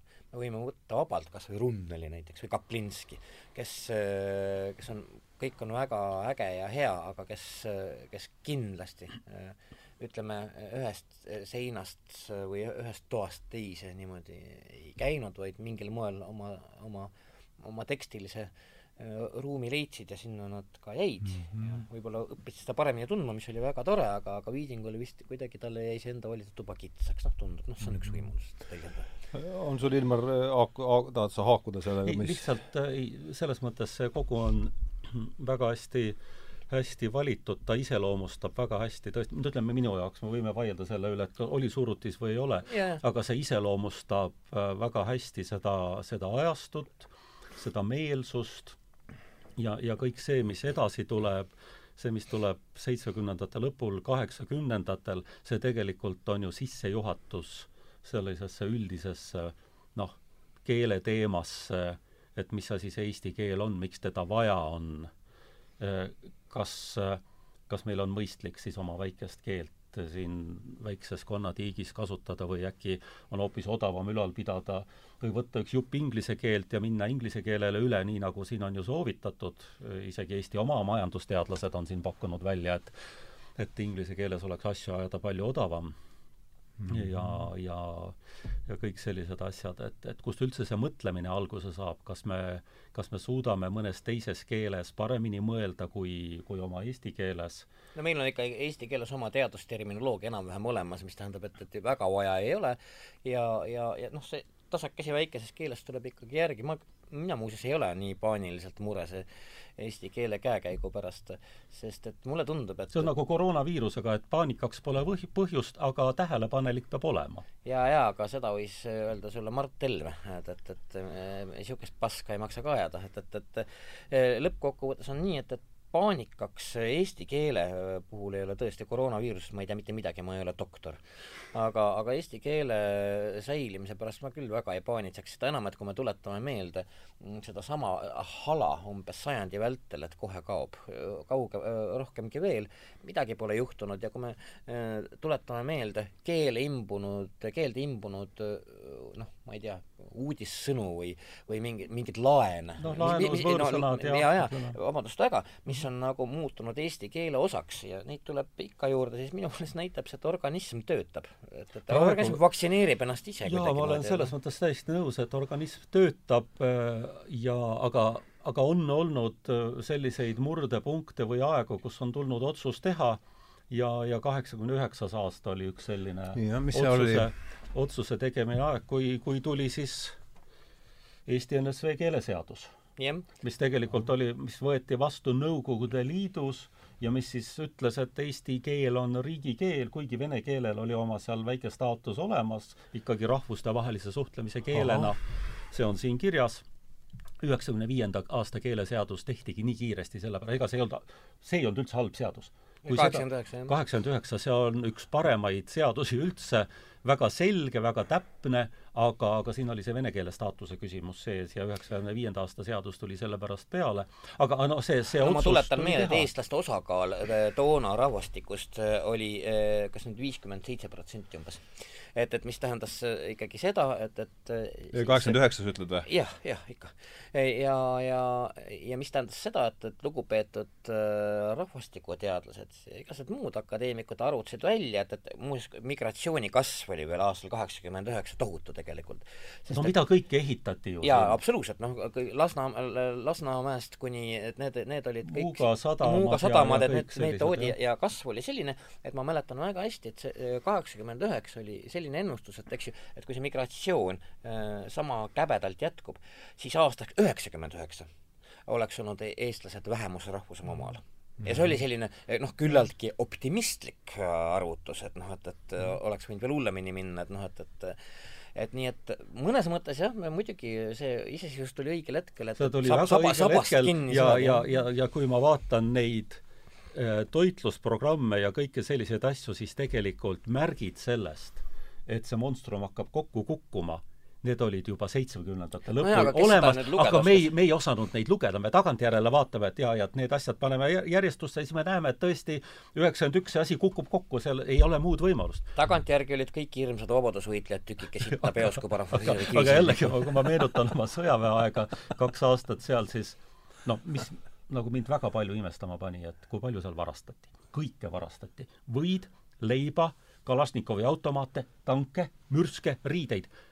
Kõike varastati, ohvitserid, allohvitserid, praporšikud saatsid kõike võimalikku endale kodumaale, isegi öö, kuskilt sealt ma ei tea, Gagausi rahvusest praporšik saatis oma kodumaale öö, kaugpõhja tingimusteks ette nähtud riietuse. mida ta sellega seal pihta hakkas, ma ei tea, aga ta saatis. meie need triibulised särgid, soojad, soojad kindad, mis pidid kaitsma, eks ole, miinus neljakümne eest. varast-, kohutavalt palju varastati ja kui ma hakkasin aga Kaus sai Moskvas selle mingi muu asja vastu vahetada. ja üks vend saatis vist tanki endale sinna, et ütles, et hea põldu künda. no ikka. aga, aga kui ma kaks tuhat kaksteist hakkasin kirjutama oma seda sõjaväeraamatut, siis ma natukene ka äh, võtsin Kirillitsa oma appi ja, ja guugeldasin natukene, mis siis äh, Venemaa armees toimub. ja siis ma leidsin ühe artikli, mille pealkiri oli varastamine Vene Föderatsiooni armees on võtnud kosmilised mõõtmed. kui kaheksakümnendatel minu arvates varastati rohkem, kui üldse võimalik on, kõike, mis võimalik, siis see käis kogu aeg edasi. sokkidest varastati isegi augudele. kõik, kõik, kõike varastati, mis tähendab seda, et ei ole võimalik, et selline riik jääb püsima kus nii palju varastatakse. nojah, see on, see on niisugune mm. hea tarkus, lõpuks äh, me võime siia kutsuda Rein Veidemanni, kes seletab, et juba kuuekümne kaheksandal aastal ta hammustas Nõukogude parteid seestpoolt persest, eks ole ju, et, et sellel jalad otsast ära saada, noh. jah, aga ei, aga, aga see kõik tuli täpselt õigel ajal ja, ja see on nüüd ilmselt teise raadiosaate ja, ja teiste inimeste teema, et miks üldjuhul asjad tulevad õigel ajal, siis kui nad peavad tulema miks mõned asjad ei tule, kuigi me neid ootame, ja miks mõned asjad tulevad siis, kui me neid ei oota. aga hästi, võtame siit, no siit mitu asja, niiti, kuidas mida nüüd sikutada, aga kaheksakümmend üheksa oli siis Eesti ENSV keeleseadus, mis, mis akt seal enne all oli? oli see esimene keeleseadus, kuidas ei, see ongi, tähendab, selle all oli Eesti äh, kolmekümne neljanda aasta keeleseadus nii et kolmkümmend neli ja kaheksakümmend üheksa kolmkümmend neli, kolmkümmend neli novembris võeti eesti keele seadus vastu, mis tegelikult sisuliselt on umbes sama põhimõtete alusel tehtud kui praegused keeleseadused, avalik teave peab no, olema eestikeelne e-, esimene dokument peavad... ikkagi keelega kohta, et, et riigikeel no, ja see, see on tuhat üheksasada, aga tuhat üheksasada üheksateist. tuhat üheksasada üksteist, täpselt. see oli see eelkonstitutsiooniline Eesti Vabariigi valitsemise ajutine kord. tuhat üheksasada üheksateist on esimene, jah? Jah ja... kus fikseeritakse lihtsalt eesti keel kui siis ametlik ja. riigikeel sellel territooriumil. põhiseadus tuli kakskümmend, me praegu tähistame ja. põhiseaduse sajandat sünnipäeva ja. põhimõtteliselt, aga ütleme see kolmkümmend neli oli siis keeleseadus, mis tuli pärast üheksateist ja, ja muidugi kahjuks selle kolmekümne neljanda aasta keeleseadusega oli ju nii, et seda ja noh, ei jõutud lõpuni rakendada, sest lihtsalt mis seal olid olulisemad sätted? avalik teave Äh, siis äh, ametnike keeleoskus. Ja muidugi suurem osa sellest seadusest oli pühendatud vähemusrahvuste õigustele see ja, oli nagu, selles oli hästi, hästi suur roll. Äh, vähemusrahvuste õigust me võime tegelikult või peamegi minema tegelikult aastasse tuhat üheksasada kakskümmend neli ja kakskümmend seitse, eks ole. kultuuriautonoomia seadused. Need olid kultuuriautonoomia seadused jah, et, et, et Eesti teatavasti oli maailmas esimene riik, kus siis äh, rakendati niisugust äh, huvitavat trikki nagu kultuuriautonoomia. rannarootslased, juudid, palun väga äh,. venelased. muuseas, vale Ven-, ettepanek tehti, aga venelased ei saanud kultuuriautonoomiat. ei, nad, jaa, ja nad ei saanud, aga põhimõtteliselt nad, neil oli see võimalus. Neil oli võimalus, aga kuna, kuna, kuna venelaste enda kultuurnikud läksid tülli nagu tavaliselt, siis nad ei suutnud kokku leppida, kes neid esindab aga see nad, nad iseloomustab selle... ka ütleme praeguse aja näiteks venekeelse elanikkonna poliitikat absoluutselt, see, see, seal ei ole midagi uut, et kui me vaatame, et kes e-, Eesti territooriumil kõige rohkem kaklevad, siis tasub minna Vene teatrisse ja vaadata, kuidas need üksteist kingadega peksavad, et noh, et, et, et see on nagu väga huvitav. noh, ongi nii, et, et sina kirjutasid minust kunagi kümme aastat tagasi sellise arvusse raisk, et ja nüüd lähed Tamara sünnipäevale, minu sünnipäeval sa kunagi ei tule, ma kirjutan sinust vastu ja see on, noh, põhimõtteliselt ongi niisugune asi. no sellest võib Jelena Skulskaja sulle ükskord pikemalt rääkida, see on väga no, väga kentsakas nukuteater. jah, aga nüüd kolmekümne neljanda aasta keeleseadusest veel ärisildid peavad olema eestikeelsed, ärisildid peavad ja. olema kirjutatud korrektses eesti keeles ja Hendrik Visnapuu oli valitsuse pressibüroos sel ajal tööl ja ta ütles, et siiamaani me oleme muretsenud selle pärast, et saksakeelsed tekstid oleksid korrektsed. nüüd me peame hakkama hoolitsema selle eest, et eestikeelsed tekstid oleksid korrektsed. kinodes subtiitrid võõrkeelsetel filmidel. kas see teema oli juba siis olemas? see oli siis täiesti see, olemas, see oli jah. olemas ja, ja see subtiitrite ja muuseas ma tuletan ka meelde, et paraku oli selle keeleseaduse rakendamise ajaks või rakendamise alguse ajaks oli olemas täiesti toimiv tsensuur ja näiteks lugupeetud no. Marie Underi abikaasa Adson tegeles subtiitrite ja filmidest ebasoovitavate kohtade väljalõikamisega, nii et, et noh, et et ega see nüüd teab mis tore aeg ei olnud, hoolimata sellest keeleseadusest. no ütleme, see on jälle teine teema, nende, nende aastate teema on, on teine teema, aga keeleseaduse mõttes on see oluline ja, ja uued nüüd ütleme siin üheksakümne viienda ja kaks tuhat üksteist keeleseadused on Äh, kolmekümne neljanda aasta jah, et on sellest äh, kolmekümne neljanda aasta keeleseadusest saanud üsna palju innustust ja üldpõhimõtted on ju tegelikult samad mm. -hmm. nüüd võrreldes üheksakümne viienda aasta keeleseadusega me oleme äh, väikse sammu. ole hea, ütle mulle kaheksakümne üheksanda aasta kohta ka veel paar sellist märksõna, mis kirja lihtsalt panna, et äh, no, no Eesti, kõige olulisemad. ütleme, eesti keel on ri-, aa, mis on, mis on väga oluline, töötajatele kehtestati keeleoskuse nõuded, ava-, avalikkusega suhtlevad töötajad pidid siis mingil tasemel hakkama eesti keelt ja me teame, et see tegelikult kunagi selles mõttes ühiskonnas ju ei rakendunud, aga noh, vähemalt ta kirja sai, et, et selles mõttes küll. ja, ja sealt on, sealt tulid äh, kohalike omavalitsuste keeltekeskused, täiskasvanute keeleõppesüsteem, mis long-, lonkas kõiki jalgu mm. -hmm. aga ta aga oli, oli, aga, aga, aga, aga ta oli olemas, tulid riiklikud keeleeksamid, need noh, nii-öelda kategooriaeksamid, mille ühelt poolt oli see väga hea, teiselt poolt selle vilju me sööme tänapäeval, sellepärast et väga paljud kohalikud keelekeskused olid korrumpeerunud. vabandust väga, üks inimesed... keelekeskus oli üheksakümnendate algul, ma lihtsalt korraks segan vahele, anna andeks, ta pidas niisugune tore internats, kes,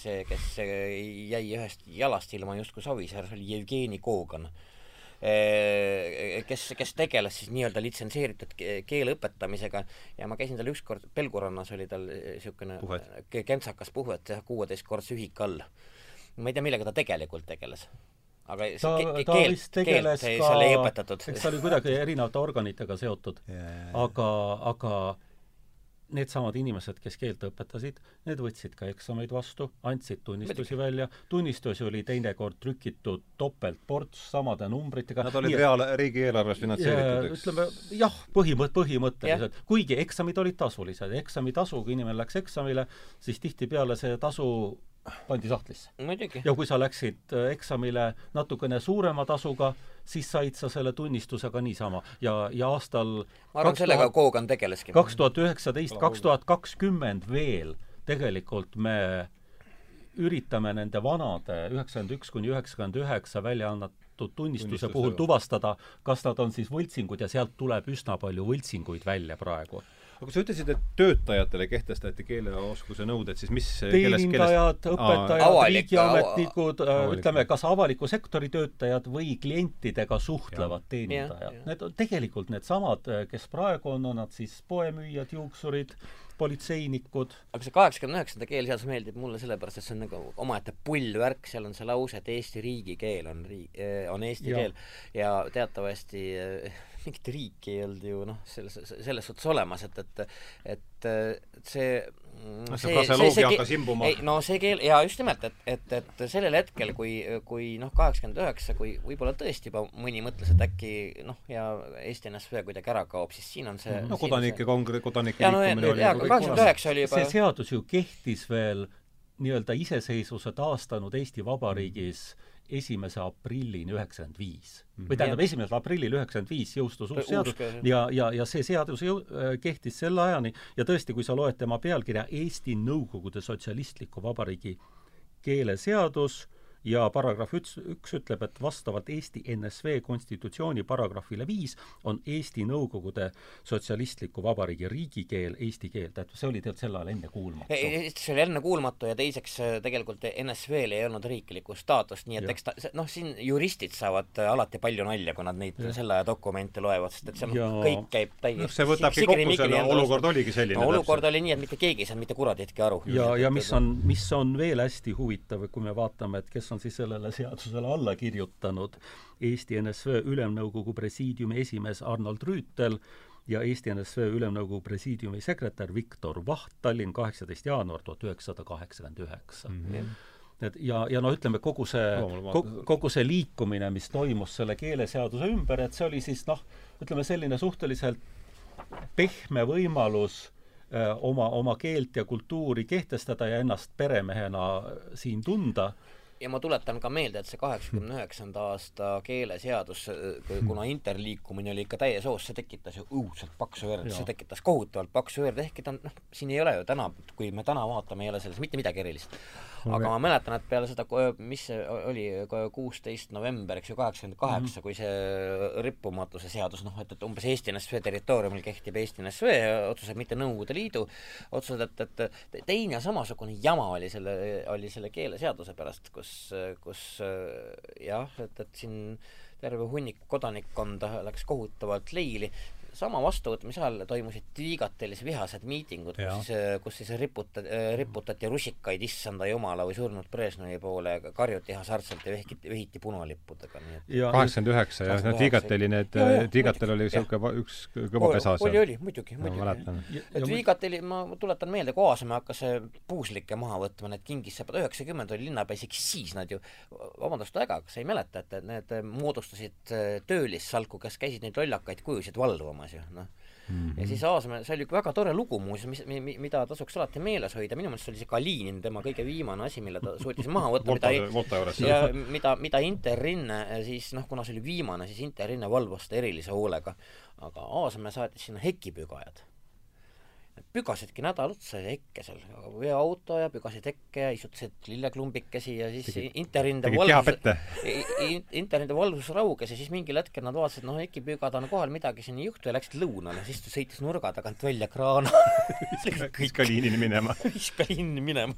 aga ütleme oligi kogu laulupidu põhimõtteliselt et kui paar sõna öelda selle seaduse rakendamise kohta, siis näiteks alates esimesest veebruarist kaheksakümmend üheksa tuli tagada riigikeele õpetamine kõigis muukeelsetes õppeasutustes ja õpperühmades ametkondlikust alluvusest sõltumata, see tähendab, et eesti keel pidi olema olemas kõikides vene koolides.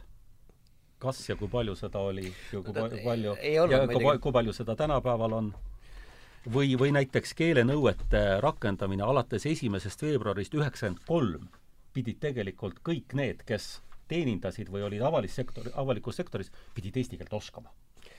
ja, ja kui me nüüd ketrame ajaloo sealt natukene edasi tänasesse päeva, aastasse kaks tuhat kakskümmend, siis äh, no me oleme ikkagi me, natukene kaugemale me oleme jõudnud. natukene me oleme natukene kaugemale jõudnud, aga paraku me oleme praegugi sellises olukorras, kus seesama vene õppekeelega kool, kes pidi siis kaheksakümne üheksandal aastal juba eesti keelt kõigile õpetama, suudab välja lasta ikka veel ilma eesti keele oskuseta koolilõpetajaid?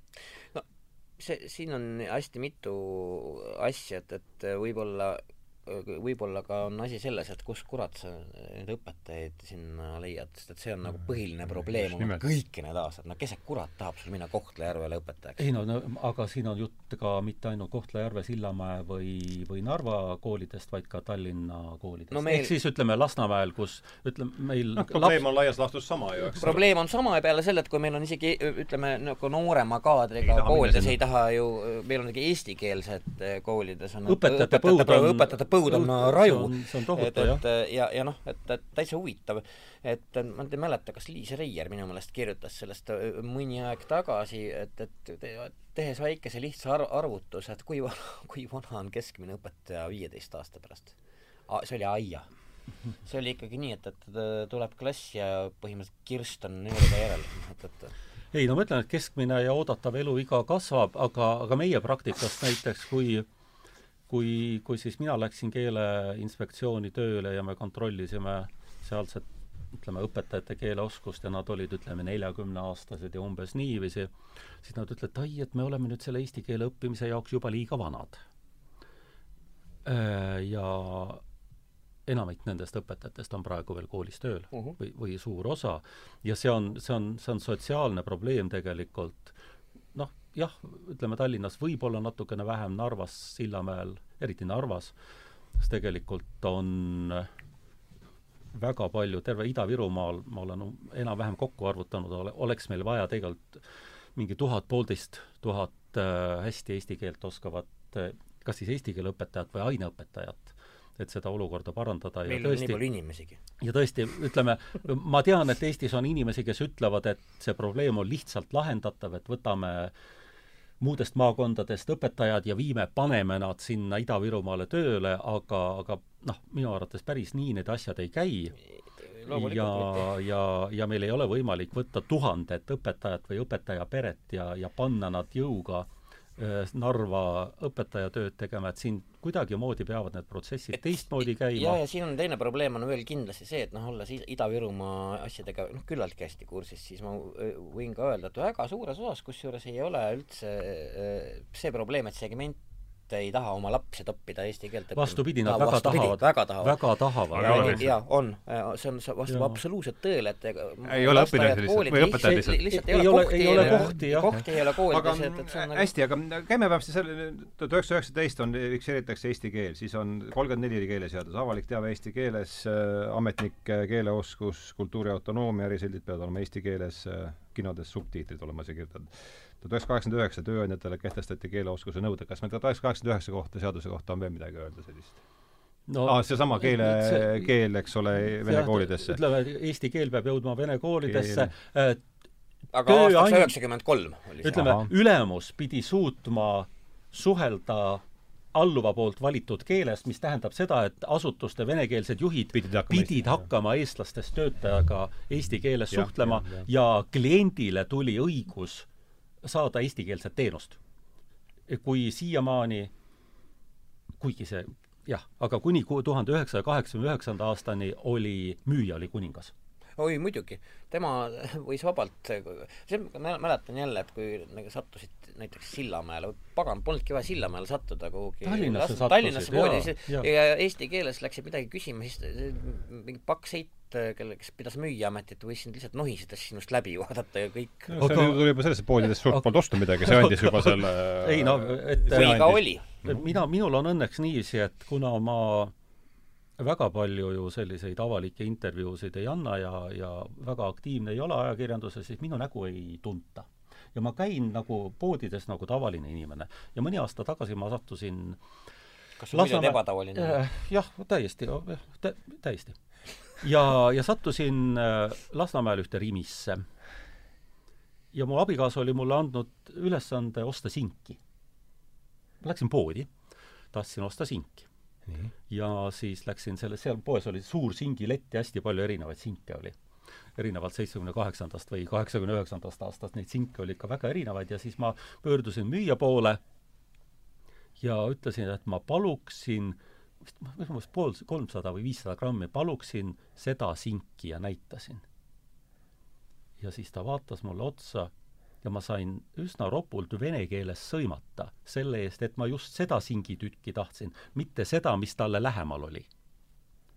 Hmm.. ja ma ei hakanud vaidlema, ma läksin sellest poest ära. No., aga see oli, see oli mõni aasta tagasi nii et tegelikult selliseid seda, asju seda, tuleb seda ikka ette. mis keel sa sõimata saad, kui see on, kui keegi on vedelenud kaksteist tundi singiletis, siis tal viskab koppa ette. samal ajal, kui ta läheb koju ja vaatab Mehhiko seriaali sellistest ilusatest mustakulmulistest noormeestest, kes ei ole talle üldse kossi tulnud. et noh, et et äh, tähendab, mis on, mis on meie klienditeeninduse probleem, üks on muidugi, eks neid eesti keelt vähe oskavaid müüjaid on üsna palju, aga, aga kui me oleme kohtunud nende nende kaubanduskettide juhtidega, siis üks asi, mida ma olen üritanud selgitada, et see on teeninduskultuur, et isegi kui see müüja eesti keelt ei oska, ära sõima klienti, ära ütle talle inetult, vaid noh, meil on praegu üsna palju äh, eksootilistest riikidest teenindajaid, kes naeratavad, kes võib-olla ei oska eesti keelt, aga kes tahavad sind teenindada ja teevad seda. teevad seda hea meelega ja, ja kui nad naeratavad, kui nad näitavad, et sa oled neile oluline, siis kas klient... me peaksime keeleseaduse naeratuse siis, ei, siis, siis klient ei lähe kaebama, klienti ei huvita ju see, kas sellel müüjal on keeletunnistus või ei ole. ta tahab oma asja kätte saada. nii nagu reisijat ei huvita see, kas bussijuhil on keeletunnistus või ei ole. kui ta tahab piletit osta, siis ta peab oma pileti kätte saama ja ongi kõik, ta ei küsi, et kas ma ei sõida sinu bussiga, kui sul ei ole keeletunnistust. küsimus ei ole selles, küsimus on tihtipeale teeninduskultuuris ja, ja, ja teeninduskultuuris me oleme väga paljudes valdkondades veel seitsmekümne kaheksandas aastas. selle peale mul tuleb meelde üks Jan Kausi luuletus, kui ta kirjutas veel Kalle Kilokaloori nime all luuletusi ja see luuletus on väga lühikene, see luuletus kõlas nii. peatage autobuss, juht on venelane ja vot meie, meie juhtide rahvusega ei tegele, aga jah, kui, kui kaebus tuleb, siis me peame, peame kontrollima, et kas tal, kas tal, kas ta tun-, ei, me ei, me ei pea bussi kinni. me kutsume ta enda juurde või lähme nende juurde äh, aga ettevõttesse, aga, aga jah, et sel juhul me peame tunnistust kontrollima, aga teeninduskultuur on see, mis, mis ei ole võib-olla selle meie, meie liberaalse ühiskonna arenguga kaasa tulnud, et, et hästi palju ma näen sellist, mis on veel sellest ajast, kui ma väike olin. Nii, aga võtame ikkagi, ma tahaks selle tee, meil on siin pool tunnikest jäänud, üheksakümmend viis, mis oli üheksakümmend viis keeleseadus, paar lühid, ärme sellesse väga takerdu, olulisemad punktid, kui me juba hakkasime rääkima seda no,. kõige olulisem oli see, et kõige olulisem oli see, et, et vene keele positsioon võeti maha mis tähendab seda, et vene keelest sai, sai üks, tavaline üks võõrkeel. võõrkeel teiste võõrkeelte kõrval ja, ja selle tõttu tegelikult äh, venekeelsed poliitikud võtsid seda üheksakümne viienda aasta keeleseadust väga valuliselt väga vastu. traagiliselt, jah. sest et äh, aga näiteks kuida, ütleme kuidas on võimalik, et, et vene keel on võõrkeel nagu saksa, inglise okay, ja prantsuse keel, et see ei ole võimalik, et vene keel on nii tähtis aga, aga ülemaailmne, üle et sa, et sa võid, eks ole, ühel kuuendikul planeedist üksteist tuhat kilomeetrit idast läände, eks ole, vene keeles hakkama saada. Vene keeles sõimata, kõik saavad aru. et kuidas on võimalik, et see ei ole, et sellel ei ole eristaatust. aga, aga sellega me oleme enam-vähem nüüd äh, ära harjunud ja see oligi üks põhilisi muudatusi et ega seal, seal muud olid sellised ja, üsna, üsna kosmeetilised. ja ma tuletan ka meelde, et, et eristaatust Vene poliitikud väga nõudsid ja muuseas vene keele eristaatuse vastu ei vaielnud kordagi ka Keskerakond, kes kasutas seda väga, väga, väga ägedalt siis nagu kaardi, selle kaardina, et, et kohalik siis niisugune jah, vastumeelestatud ringkond enda eest hääletama panna ja tegelikult algas see eestlastel üks ja vene, venelastele teise jutuajamine umbes mm -hmm. selle e, e, keele eristaatuse kaotamise ajal üheksakümne viiendal aastal. ja mis üheksakümne viienda aasta keeleseadus tõi avalikku teabesse, e, ennekõike oli see, et seal oli säte, et avalik teave on eestikeelne. see on, tähendab selline sada protsenti eestikeelne ja võimalusi, keeleseadus ei näinud ette võimalusi võõrkeelse teabe lisamiseks eesti keele kõrval, see tuli hiljem, enne Euroopa Liiduga liitumist tuli see lisa sinna juurde, et eesti keele kõrval võib olla ka võõrkeel, kusjuures ütleme, tavapärase avaliku teabe puhul peab siis eesti keel olema esikohal ega tohi olla arve, halvemini vaadeldav. aga, aga üheksakümne viienda aasta keeleseadus ütles, et Eesti avalik teave on eestikeelne ja, ja ongi kõik, on, ongi, ongi kõik. ja, ja noh, sellest ajast me mäletame neid, ütleme, tõsisemaid aktsioone, kus, kus venekeelseid silte siis er-, erinevate meetoditega linna pealt maha võeti ja, ja päris kiiresti võeti venekeelsed sildid maha ja, ja kui siis tuli võimalus eestikeelse tea-, tähendab, võõrkeelse teabe lisamiseks, siis tegelikult võõrkeel, mitte küll vene keel, aga uus võõrkeel on, on igale poole asemele tulnud mm. -hmm. Okay. no tegelikult see, see ma, ma ei näe selles ka mingit suurt traagikat, aga mul tuli meelde, et venekeelset silti võeti juba ennegi maha, ma tahan, ma räägin sulle loo sellest. et see, kuidas Kalle Kulbok käis ruvikeerajaga bistroo silti maha võtmas? ei, Kulbok, see, see oli veel enne, see oli siis, kui mina töötasin niisuguses kohas nagu töö- ja puhkelaager. see noh, kui sa olid kümme või üksteist vana. TPL, just, töö- ja puhkelaager, see oli no see oli siis, kui sa olid kümps ja siis vanemad käisid tööl, siis nad, et, et sa mingi pätti ja lollusi ei teeks, pandi sind päevaks tööle, et sa taskuraha teeniksid ja siis see Äh, gurmeecafé omaniku Annar Alasega olime me ühes TPL-is ja siis veetsime oma ööd äh, sodides Nõmmel tänavate venekeelseid silte musta värviga üle. aga päeval puhastasime neid TPL-is sellest samast värvist, mida me olime öösel äh, neid äh, sodinud. nii et selline võitlus iseendaga. Te olete nagu tuletõrjujad, kes panevad maja põlema ja, ja siis lähevad ise kudus kustutama. aga ma pean jah? ütlema, meie auks, et meie võitlus Nõukogude režiimiga oli tõeline, sellepärast me puhastasime silte tunduvalt aeglasemalt, kui me värvisime ma arvasin, et see on täpselt. nii, aga kaks tuhat üksteist on nüüd viimane keeleseadus, mis sealt no üks põhiline põhjus, miks kahe tuhande üheteistkümnenda keeleseadus tuli, oli see, et sada üheksakümne viienda aasta keeleseadust hakati tükikaupa remontima. Aha. ja lõpuks remonditi seda noh, paarkümmend korda. nii et tegelikult see esialgne seadus ei paistnud sealt üldse enam välja. ja noh, üks aga mida seal siis remontida oli? noh, kui ma ütlen, üks, üks üks seesama teise keele staatus näiteks. jah, seesama teise keele staatus, et, et tuleb, tuleb, võib lisada võõrkeele, siis Aha. tulid erinevad noh, ütleme, õiguslikud rega-, regulatsioonid kaubamärkidele, siis kaubamärk on iseenesest selline asi, mis ei ole tavapärane avalik teave, ta on nagu kaitstud teave, et mida sellistel puhkudel teha, kas eesti keel peab olema või ei pea olema, on selliseid kaubamärke, mis sisaldavad kliendile olulist teavet. aga on sellised, mis ei sisalda. võib-olla üks hea näide ongi möödunud nädalast, kui te mäletate, siis meie äh, peapiiskop tegi ühe postituse ta käis kuskil kana söömas. ta käis äh, äh, KFC, mis see on? no see on mingi purksiputka põhimõtteliselt. piiskop käis purksi kanatiibade müügikoht ja kanatiibade müügikoht. see on vist äh, Kentucky Fried Chicken ja, ja, ja sinna sisenedes ta siis märkas, et justkui noh, kogu teave avalik ruum, millest ta, millesse ta sisenes, on, on võõrkeelne.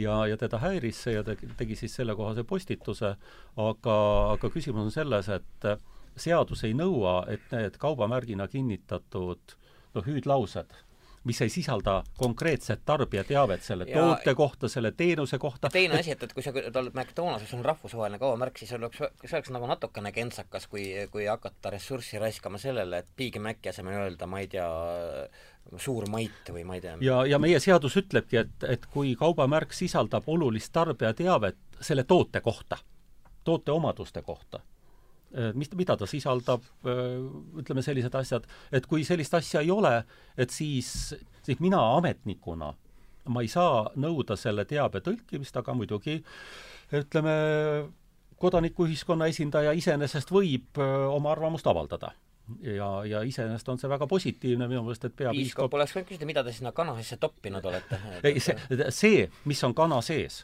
ütleme, kõik menüüd ja sellised asjad on seal eesti keeles kenasti olemas, see, kuidas tellida, et nii, et kogu kohustuslik tarbijateave on eesti keeles olemas.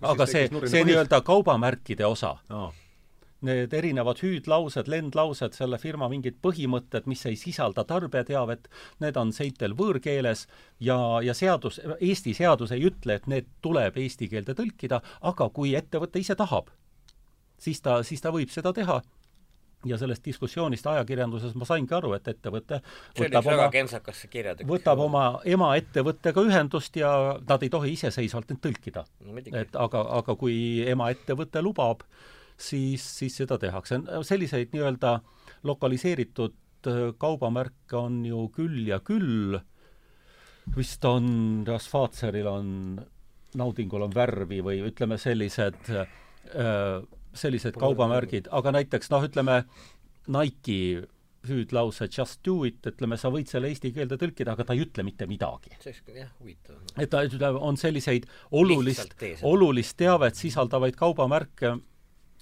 ütleme, kui näiteks sul on pakend kaupluses ja, ja kaubamärgina on kinnitatud tekst chicken wings, mis tegelikult ütleb, mis toode see on, siis eestikeelne teave tuleb kõrvale panna aga kui see kaubamärgi, see, see väljend ei sisalda teavet selle kohta, mis asi see on, siis teda ei, ei tule eesti keelde tõlkida, et selline mm, -hmm. selline vahe on. see on nagu seaduses. hästi, aga no jätame need kanatiivade müügikohad praegu sinnapaika, need me ei jõua ka kõikvõimalike probleemidega tegeleda, aga räägime mulle tuli meelde hoopis üks tore eestikeelne reklaamilugu. see võis olla Peeter Sauter äh,, andku ta andeks, kui see ei olnud tema, aga kunagi, kui müüdi, Eestis toodeti veel sigarette ja rumba, siis oli tänavatel oli niisugused suured plakatid, et käes on rumba aeg ja siis oli mingi tantsiv paarikene, eks ole. olid siuksed, mäletan. siis mm -hmm. minu meelest võis see olla, või oli osaline või see autor, ükskõik, kes siis pani trammidele samal ajal siis äh,, tema reklaamis North State'i, üks neist siis, eks ole. North State on mis asi see? no sigar, sigaret, eks ole, ja, ja, ja, ja siis oli slogan, et tantsun läbi, teeks suitsu ka. jah, oli küll, sina oled võib-olla rääkinud seda mulle see oli väga tore, nii et äh, tegelikult äh, mulle väga meeldib, et siiamaani aeg-ajalt ka mu see reklaamimaailmas, kus tüübid reageerivad mingile asjale just oma keeles väga hästi, see näitab, et keel pole kaugelt kehus. ja, ja, ja, ja, ja reklaamikeel on ka üks selline keelevaldkondi, kuhu päris noh, näiteks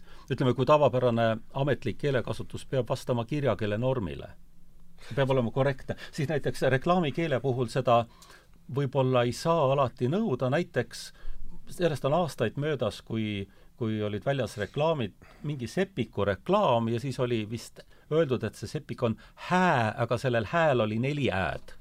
ja siis äh, tähelepanelik kodanik kaebas Keeleinspektsioonile, et, et see on nüüd valesti kirjutatud. Yeah aga, aga see on jälle reklaamikeele omapära ja, ja siin päris, ütleme, sellise ametliku keelekasutuse kirjakeele normiga selle kallale kallale minna kodanik pidas see vajalikuks siis Ko kodanik ikka pidas, kindlasti on alati kodanik, kes peab vajalikuks. on juhtumeid, ühe, ühelt poolt me nagu ka praeguses kehtivas ehk siis kahe tuhande üheteistkümnenda aasta keeleseaduses me ütleme, et riik toetab äh, eesti keele piirkondlike erikujude kasutamist. no mhm. murdekeeled, on see siis võru või sõtu, setu, samal ajal, kui seal need sildid üleval on, siis mõnigi inimene jälle näeb, et ei ole päris korrektses kirjakeeles ja, ja jälle kaevatakse ametnikele, üldjuhul saadetakse kiri mõnikord äh,, helist-, jah jah, helistatakse, et, et kas sa ju pead igastele lollustele reageerima? ja, ja ma, ma pean, ma pean igale kaebusele reageerima, aga seal on jälle see, see väga hea sõnastus, et eesti keele piirkondlik e-, erikuju on osa eesti keelest. ja siis ma saan öelda, et kuigi ta on, näiteks ta on võrukeelne, siis tegelikult on ta eestikeelne ja, ja ma nagu keeleseaduse selle sättega, mis ütleb, et võõrkeelne teave peab tulema tõlgitud eesti keelde, et ma ei lähe ütlema, et võõrukeelne tekst tuleb eesti keelde tõlkida, sellepärast et see on, see on, see on eesti keel, see on, see on eesti keele murre. samal ajal noh, ütleme sellised liikumised, mis, mis nagu tahaksid nendele kohalikele murretele anda eraldi keele staatuse, et sel juhul läheks asi natukene keerulisemaks kui me al alustasime seda koosviibimist siin luuletustega, siis ma ta noh, see, et, et keel peaks vastama siis ametlikule kirjakeelele, siis me võime rääkida ju luulest näiteks, eks ole, et luuletaja saab kulkast raha, kirjutab Ü asemel Y, eks, ja teeb ükskõik mis paganama asja, mis nüüd siis saab no,? Kas... aga tähelepanelik lugeja helistab sulle ja mis sa siis nüüd teed? lased Jürgen Rooste maha või? mulle tundub, et mul, minu meelest meie ajaloo jooksul on, on üks kord äh, minu meelest luulekeele üle nurisetud Aha. ja minu meelest see helistaja oli vist lugenud Karl-Martin Sinijärve ja, ja ta oli pahane, et, et Karl-Martin Sinijärv ei järginud kirjakeele normi, aga see on üksainukene kord. Minu kahekümne viie aastase teenistuse aja jooksul, kus nagu luulekeele peale on, on pahandatud, et rohkem ei ole. sedasama see... Viidingut peetakse ju klassikuks, aga mi-, tema ütles ka täiesti mitteselges eesti keeles mingi hökerpatikalisei, eks ole. aga noh, suur ja väike algustäht, täiesti olematu. või näiteks interpunktsioon jätab ka soovida. komad on puudu või, või noh, ütleme, ise ma mõtlen selle peale, mulle on meeldinud Toomas Liivi luuletused näiteks, et noh, no täiesti, täiesti normi, täiesti, täiesti normivaba. või Uku Masing, kes kirjutas Kärbsed ühe B-ga või meil on nüüd neid, kes kirjuutavad vist kahe B-ga isegi. jaa, see on, ma isegi tean, keda silmas peab, Wimberg, jah, see on Jaak Kurmet, kellel oli maa, maaraamat nelja A-ga, esiteks võta ta, tõmba liistule, see poiss. ja, ja Wimberg tuleks kirjutada kahe M-iga või kolmega. Täpselt jah, et, et jah, et, et see kirjakeele norm on selline asi, mis, mis kehtib küll ametlikus keelekasutuses, aga mida sellises vabamates valdkondades, ütleme reklaamivaldkonnas ja, ja loomulikult ma olen ise ka noh, lastekirjanikuna mõnigi kord eksinud kirjakeele normi vastu. kas keegi sulle sinu peale kaevanud ei ole või? On kaevatud, on, on, on mulle kaevatud minu, minu sõna, sõnakasutusele üle. näiteks äh, ühes raamatus on tõesti niiviisi, et äh, ma ei ole käänanud mitte Toomas Tooma, vaid Toomas Toomase mm. -hmm. ja ma mäletan, et kui meil oli õppejõud Mati Hint äh, Tallinna Ülikoolis ehk pedas, siis Mati Hint ütles, et mõlemad on võimalikud ja tegelikult temale see Toomas Toomase meeldib hoopis rohkem mm. -hmm. ja, ja mina kirjutasingi Toomas Toomase ja siis tuli lugejakiri, kes ütles, et temal on väga häbi sellepärast et äh, lastekirjanik, Keeleinspektsiooni peadirektor käänab eestikeelseid nimesid täiesti valesti. vähemalt sa tead, sul on vähemalt üks lugeja. jah, ja, ja, ja siis ma, ma isegi otsisin selle artikli üles, Mati Hint oli sellest isegi kirjutanud ja, ja ma üritasin seda nagu põhjendada, aga lugeja ikkagi ütles, et seda, mis Mati Hint ütleb, et seda ei pea üldse arvestama. tema arvamus, tema ütleb. et, et jah, et mul on, mul selliseid, selliseid kogemusi on ka ei, need on väga huvitava, huvitav see, et, et tõenäoliselt kui, kui inimesel hakkab ke keele pärast selgelt igav ja kui käsi haarab, eks ole ju, telefonitoru järgi, siis see on pigem ju ikkagi naljakas. aga telefonitoru on palju parem, kui käsi haaraks nagu granaadi järele või kuskil ühest no see oli, see, see, see, see, jah, see jah, ei olnud küll granaat, granaat, granaadi järele haaras Rein Langi käsi, kes tahtis selle Kultuuriministeeriumisse aa, ja, ja, ja, ja. aga, aga räägiks nüüd minu, ma tuleks tagasi selle vestluse, ega meil ongi siin veerand tundi jäänud, mitte kauem, et tuleks tagasi selle vestluse alguse juurde, et niisugune, niisugune meeleolu Tank, tankissime. No peaaegu meeleolukas pildike sellest, kuidas toimub siis äh, eestikeelne või tähendab äh, komsomoli koosolek, kõik osalejad on eestlased ja jutt käib äh, vene keeles, et minul tuleb meelde mitte väga kaugest minevikust mikroökonoomika loeng, kus kõik on kõik on eestlased ja, ja õppejõud, kelleks olin mina, on ka eestlane, aga pursib seal mingit mis sul viga oli? no nii, nii öeldi, mis mina no, kuule, mis me siis olime kolmekümnesed, noh, öeldi, et nüüd on niimoodi aine ja tundus ilgelt moekas. tundus moekas ka veel kõik, ikkagi ma räägin ei. ju, kuidas kuidagi minnakse turumajandusse ja see ei olnud üldse kõige hullem selles mõttes, et, et ma ei tea, milline su keeleoskus siis oli, ma olen mingid intervjuud vaatasin yeah. Youtube'ist ja minu meelest su inglise keel oli päris no miljon korda parem kui minu oma, sest et mina ei ole kunagi inglise keelt noh, no nii-öelda ametlikult no ta oli ikka ralli, ralli english äh, on ikkagi selle asja nagu plain plain, plain rally english. lõunaosa oli ikkagi inglise keel. aga praegu on tõesti, ütleme, natukene võib-olla ah, no see viib kõik sellest, no needsamad ko-, töökoosolekud, eks, kus on need, mida me hakkame peale nende saja sõna koosolekutega et, et üks vanasõna, mille ma mõtlesin välja, see idee tuli kuskilt mujalt, aga kui mul möödunud aastal, kui oli see eesti keele aasta ja mul oli võimalus Teaduste Akadeemia saalis üks ilus ettekanne eh, pidada eesti keelest kui riigikeelest, siis ma lõpetasin selle ühe noh, nii-öelda vanasõnaga, mis kõlab niiviisi, et kui sul ei ole midagi öelda, siis pole kasu sellest, kui sa ütled seda inglise keeles et, et tegelikult enamik asju saab kenasti eesti keeles ära öelda. If you have no point, use PowerPoint. see on põhimõtteliselt sama ja, ja, ja see on ka üks asi, mida, millest ma olen üritanud hoiduda, et äh, no see on juba nägemise ja kuulmise psühholoogia küsimus, et, et kas sa tahad, et inimesed kuulavad sind ja kuulavad seda sõnumit, mida sa edastad, või nad vaatavad ja pühendavad üheksakümmend protsenti sellest energiast, mida siis aju, ajul on kasutada selle selle PowerPointi esitluse vaatamise peale, et, et siin on valikute küsimus, et kui ta peab kuulama ja vaatama, siis ta ei saa kummastki seda täit infot, infot kätte.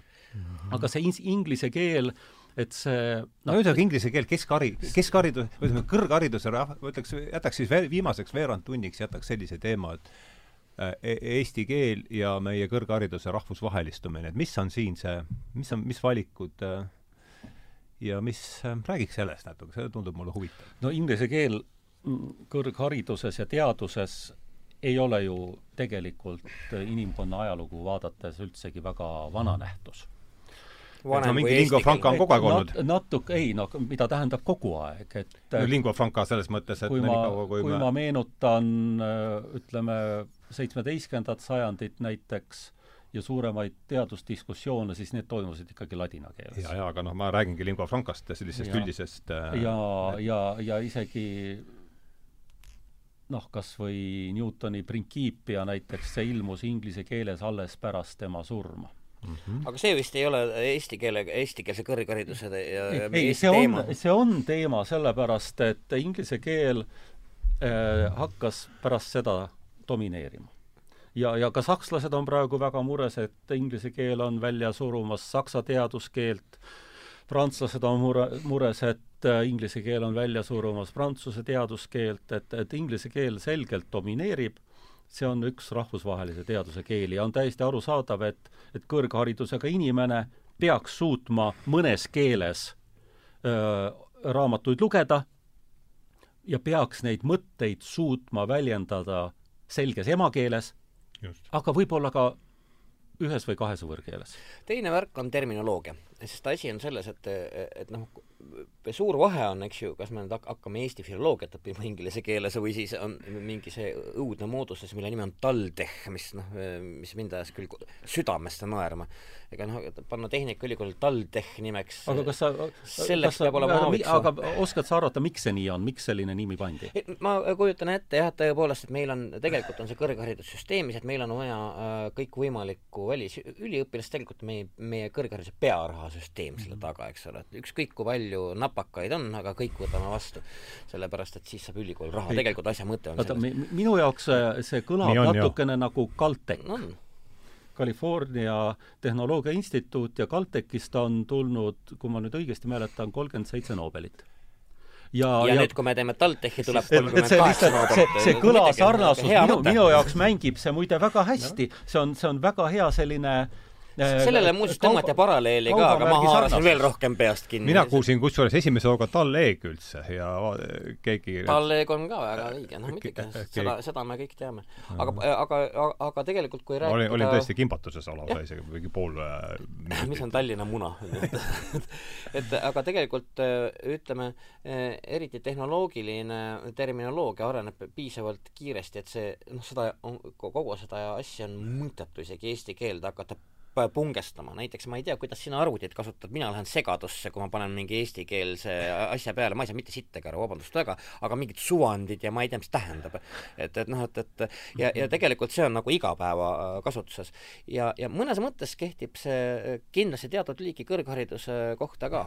et täiesti, mina arvan, et on täiesti mõttetu hakata jõudu raiskama, et igale terminile mõelda eestikeelne vaste. ei jõua lihtsalt, see tuleb nii kiiresti peale. see tuleb nii kiiresti peale ja, ja lõppkokkuvõttes siis, siis äh, jääb neid, meil on praegu tuhandet õpetajat, eks ju, Ida-Virumaal, nagu sa ütlesid, siis on meil vaja varsti kümmet tuhandet õpetajat igale poole, kõik hakkavad mõtlema suvandeid välja. ei, ma arvan, et eestikeelne terminoloogia on siiski üsna oluline ja, ja jõudumööda võiks sellega tegeleda ja, ja tegelikult äh, selline omakeelne teadus ja kõrgharidus äh, peaks kindlasti olemas olema, ma ei oska seda nüüd täpselt öelda. mis piirini, jah? kuhu maani välja, bakalaureuse tasemel kindlasti, magistri tasemel ma arvan, võiks ka olla, aga kõik see, mis, mis doktori valdkonnas toimub, ütleme sel tasemel, see võiks mingis ulatuses olla eesti keeles kindlasti muidugi, ei no väga vinge, tegelikult tee oma doktoritöö eesti keeles, tõlgi ise inglise keelde, kui sa piisavalt kõva tüüp oled, minu meelest ei ole sellel midagi viga, et, et see, see, ma ei taha öelda, et, et kõrgharidus ei peaks olema eesti keeles, ma lihtsalt räägin, et tegelikult eh, terminoloogia kasutamine, näiteks on ta kursiivis või kusagil siis mhm. eestikeelse teksti sees on ka täiesti okeist, et ei ole vaja mm, igast asju leiutada jah, no aga... jõua lihtsalt, see mass käib üle. aga, aga kui me mõtleme või selle omaksvõtmisvõime kui me mõtleme nüüd selle peale, et eestikeelne, ütleme, ingliskeelne kõrgharidus äh, esitab nii-öelda jutumärkides väljakutse äh, gümnaasiumiharidusele, eeldades, et sealt tuleb juba väga hästi inglise keelt oskav inimene, inglis, inglise või valdavalt ingliskeelne gümnaasiumiharidus esitab väljakutse äh, põhikoolile, et sealt võiks tulla juba väga hea inglise keele oskusega põhikooli lõpetaja.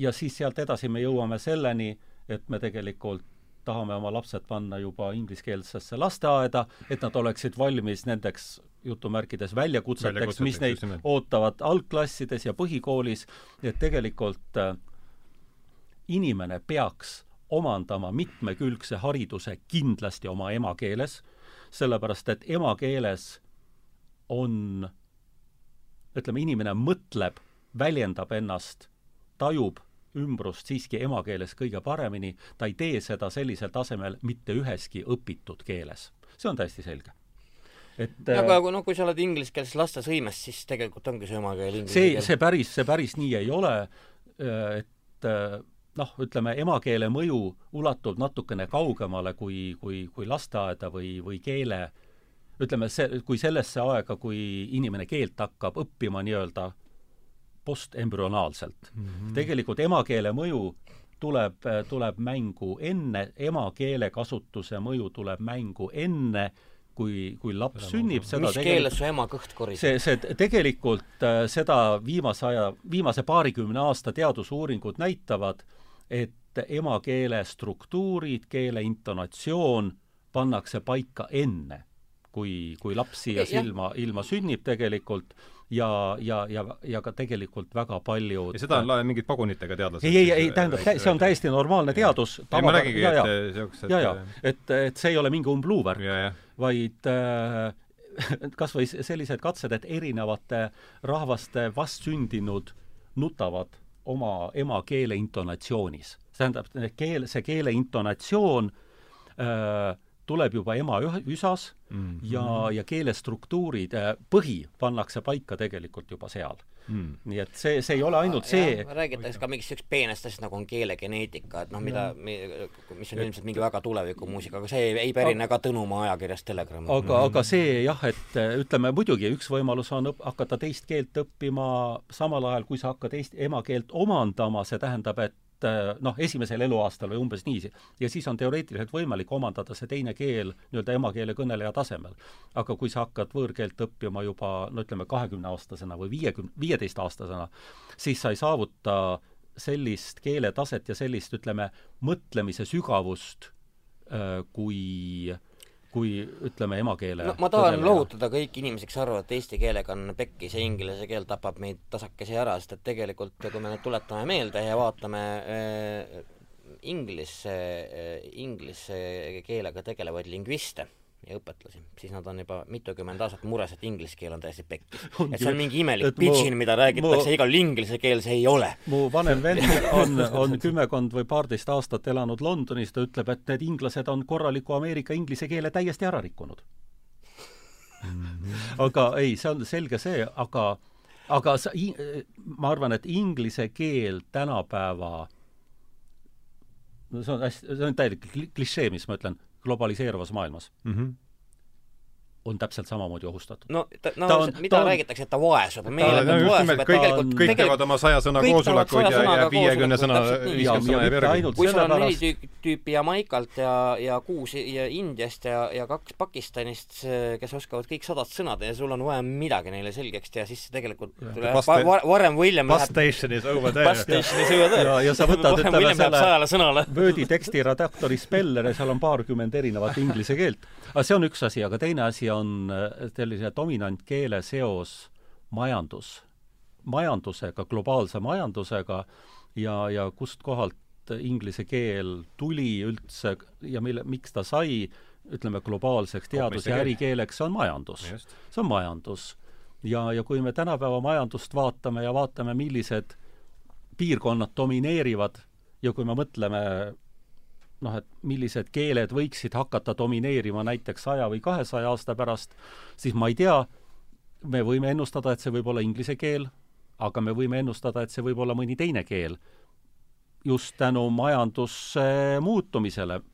Ja ma, ma spetsiifilisemaks ei lähe, aga siin on palju mõtlemisainet. üks ja, teooria on muuseas ka veel see, et, et tegelikult see on dominant keelte saatuse kohta, mida võib tähele panna ka näiteks ladina keele eeskujul ja ühis-, ühiskonnas selle positsiooni kujul, et lõppkokkuvõttes, et, et dominantkeel mida siis nagu kõik justkui oskavad, sureb kõige kiiremini välja, sest tegelikult ei oska seda enam mitte keegi mingil hetkel. ja, ja ongi kõik. ja, ja, ja, ja, ja ta jääb, jääb ellu mingisuguses terminoloogias, ma mäletan, kui mu onupoeg õppis arstiteadust, siis ta tagus endale pähe mitu, ma ei tea, tuhandete kaupa ladinakeelseid lihaste, luude ja rakukeste nimetusi. põhimõtteliselt, kui ta kohtub oma kolleegiga, siis nad ei hakka ladina keeles paari sõlut küsima. tõenäoliselt jah, aga jah, kui nad võib-olla kedagi opereerivad koos näiteks, siis nad ütlevad, et see on see ja see on see mm. -hmm. et see on mingi ütleme, selline kivistunud tagab selle, et nad saavad, lõikavad ühest kohast välja kujunenud terminoloogia või näiteks ütleme, lindude või taimede nimetused, mis on välja kujunenud ja,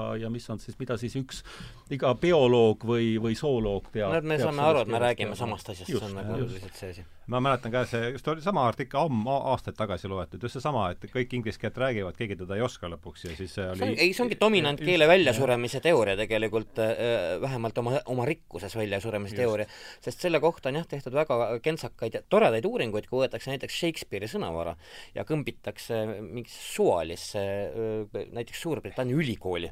ei, which? What the fuck is that, eks ole. This is a witch. ei, witch, this is a witch. What we do with witches. We burn. Et, et selles mõttes see on, see on huvitav ja, ja seetõttu ütleme, ingliskeelsetel maadel tuleb noh, oma, oma keelt hoida ja arendada tegelikult täpselt samamoodi nagu, nagu meil siin ja ma ei ole üldse seda meelt see on hullult keerulisem. et, et me, et me peame see on, see on palju keerulisem kui väga ja. erineva väikekeele hoidmine või noh, et, et mingil moel, sest see on keerulisem. seal on väga see raske on väga, neid piire tõmmata. päris hea, jah. ja seal just oli, selles samas artiklis oli mingi indo-, Indoneesia keelend, et you funny me, I funny you muidugi, loomulikult. Ja, ja ma üldse ei arva, et me peaksime panema kõikidele võõrsõnadele kuidagimoodi käe ette, me ei, me ei suuda seda teha, elu muutub, paljud elumuudatused, uued tehnoloogiad ei sünni Eestis, ei. sünni kartuli baasilt, vaid nad sünnivad Silicon Valley's või kuskil ja, ja need mõisted paratamatult tulevad ja, ja ja võib-olla me save ime varsti kartuleid, mitte ei pane neid salve et, et, et terminid muutuvad, põhiline on see, et me saame terminitest ühtemoodi aru ja, ja muidugi mina ja võiks ka ikkagi mõelda, mis see termini taga on, mitte võiks, võiks mõelda, mida, järele, mida just nimelt ööbiku keeles järele laksutada. muuseas äh,, muuseas, kui me tuletame meelde kahekümnendate aastate keeleuuendusi, siis tihtipeale me tegelikult enam ei tea, mis ühe või teise sõna äh,, mis on meil nii igapäevane, mis selle mm -hmm. taga on äh, või kust ta üldse tuli, et, et see ei ole nagu meelega keeluuendus, vaid on mingi äh, mugandatud laen ja nii edasi äh,, mis on meil tänapäeval äh, nii, nii, nii kuidagi äh, suupärane, kõik teavad äh, ja, ja lõppkokkuvõttes, kui me võtame näiteks mm, kahekümnendate aastate noh, ütleme, mingi ajalehe keelenurga, tihtipeale niisuguseid asju ilmus, kus siis nagu ka kurjad mm, emakeele oskajad äh, kaagutasid selle kallal, et, et keel on reostatud ja sureb varsti välja. noorus on, noorus on noorus on, noorus on tekkis ja keel on aga, tekkis aga noh, võtame kas või näiteks paraku, paraku. võtame sõna raamat, eks ole, me oleme selle kuskilt laenanud, võtame võileib, tõlkelaen, eks ole ju, peegel ei noh, pooled asjad, ma, ma arvan, et, et me saaksime rääkida äh, siin ilma mikrofonideta ainult naeristest ja, ja, ja isegi kaalikas on kuueteistkümnenda sajandi. nii et, et selles, selles mõttes polegi pole nagu millestki rääkida eesti keeles. üritaksime jah, rääkida ainult ütleme Eesti me oleksime siin naerist pintsakutes. Eesti, Eesti oma sõnadega, siis, siis jääksime me üsna napisõnaliseks. see saade oleks olnud viieminutine aga, aga oleks asja jõudnud ilmselt naerist mikrofon ei kannata rohkem voolu välja.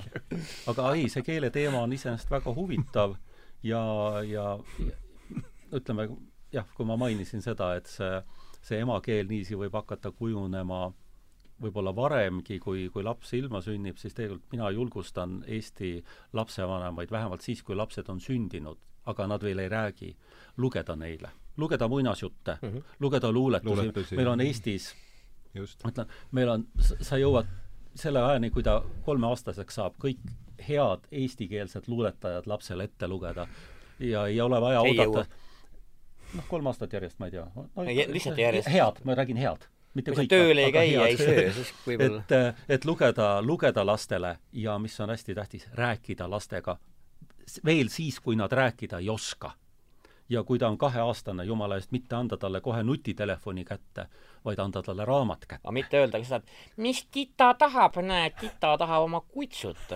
Fuck off. ja ei, ma, ma mõnikord olen mõelnud ka selle üle, et miks me mõnikord räägime väikeste laste ja kassipoegadega ühtemoodi. õudne.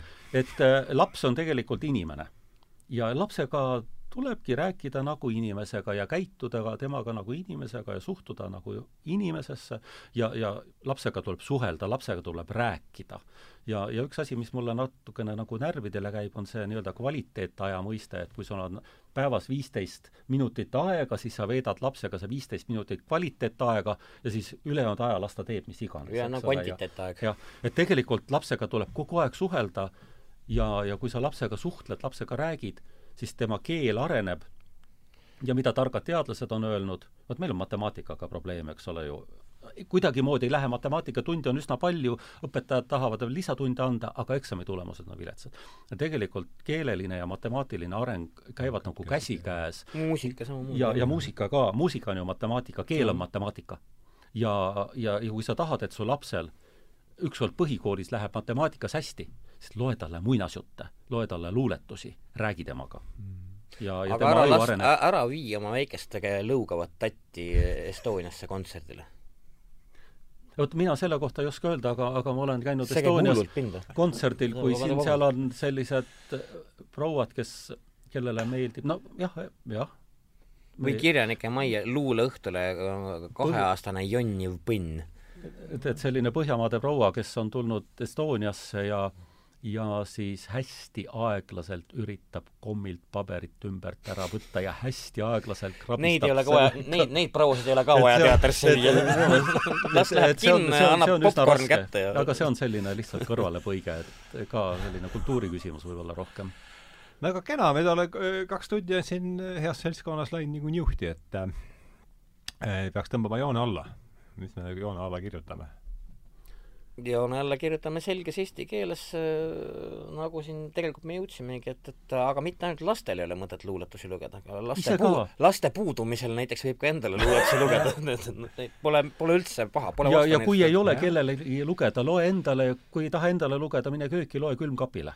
või teine värk, et helista sellesse, sellele enesetapuliinile ja loe paar luuletust ette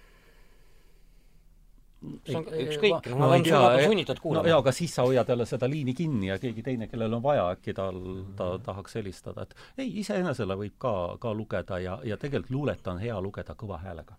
jah, seda tahan ma seda pannud. olen ka täiesti, seda, jah, see võiks ka olla ka üks ülesehituslikke mõtteid täna, sest sa lugege endale ise luulet kõva häälega ette, et see kui naabrid vaatama tulevad ja vaatavad, et, et üksi kodus loete endale luuletusi ette, siis, siis öelge, et see on, käibki nii tegelikult. see tuletab mulle meelde, vanahapa rääkis, sa kindlasti mäletad seda, kus see mingi korikarikatuur olevat olnud, et äh, mees istub äh, hommikul seal, no tõenäoliselt hommikul äh, voodi peal, noh, niisugune küllaltki sasine olukord, mingi sukatripp paistab veel seal sahtlist välja ja ja käes on väike brošüür ja ütleb, et nüüd ma saan esimest korda alu elus joomise kahjulikkusest, et olen endale purjus peaga luulekogu ostnud, noh jah, see on kindlasti kori ja see lõhnab kahekümnendate järgi ja muuseas, kui me tuleme toonasesse eestikeelsesse kirjandusse. Maria Underi luuletus ilmselt mõne, mõni selline eelõitseng või?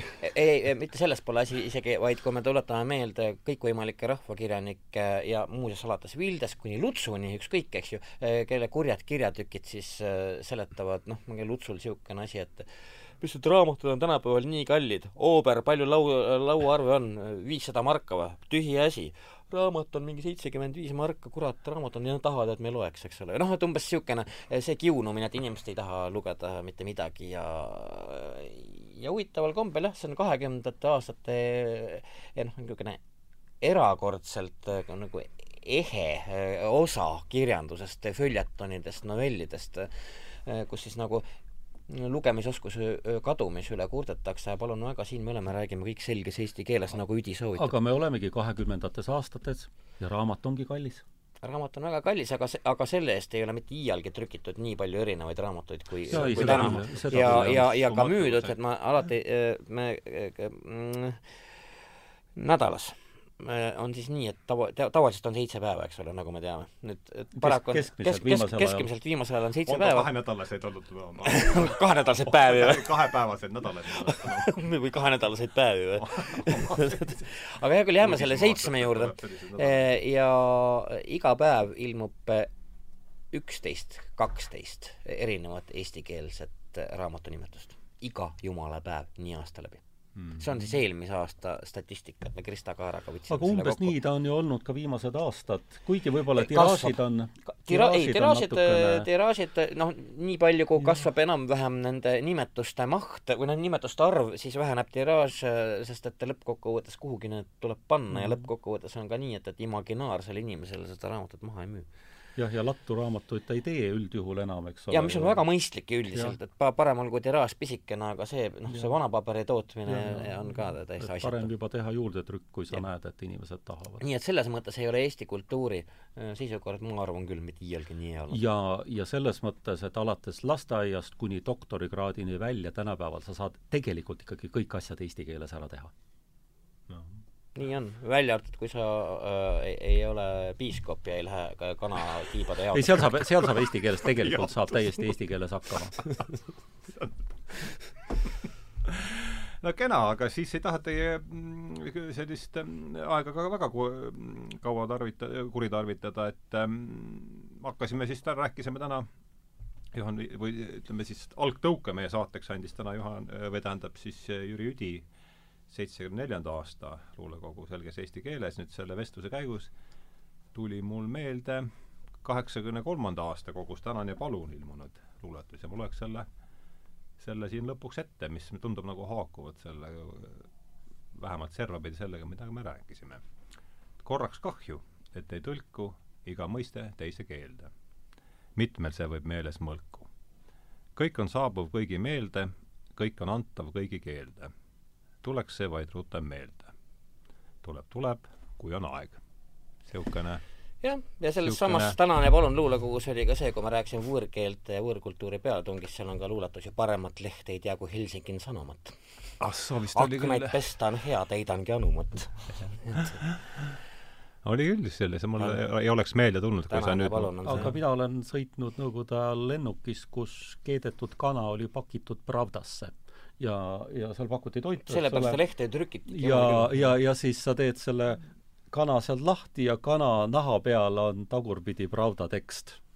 see on ka päris vahva tegelikult, hea mälestus seitsmekümne üheksandast aastast mina, kes ma olen rongidega sõitnud igal pool mööda Siberit ringi, siis see, ütleme, trükitud kana oli niisugune tavaline nali, et, et, et et me isegi viskasime nalja, et niimoodi, noh, nagu, nagu mõmmi äh, Rebase Reinu soovitusel pani aabitsa padja alla, et kui sa sööd ära trükitud kana, siis sa saad ka kirjaosaks. artikli, artiklis olev teave salvestub su ajurakkudes. sa, sa tead, sa tead seda ajalehte kogu organismiga. saad, aa jaa kanatiibade jaotuspunkt kuule, aga väga vahva oli, et äh, aitäh teile tulemast äh,, Ilmar Tomusk ja Juku-Kalle oli tore. oli vahva teie seltsis lobiseda ja soovin teile head nädalavahetust ja ja raadiosaade on meil küll eetris pühapäeval, siis on see nädalavahetus juba läbi, aga vastupidi, töönädal on mõeldud selleks, et nädalavahetusest välja puhata, ära kunagi unusta seda. nii on, jah. nii et head õhtut! aitäh!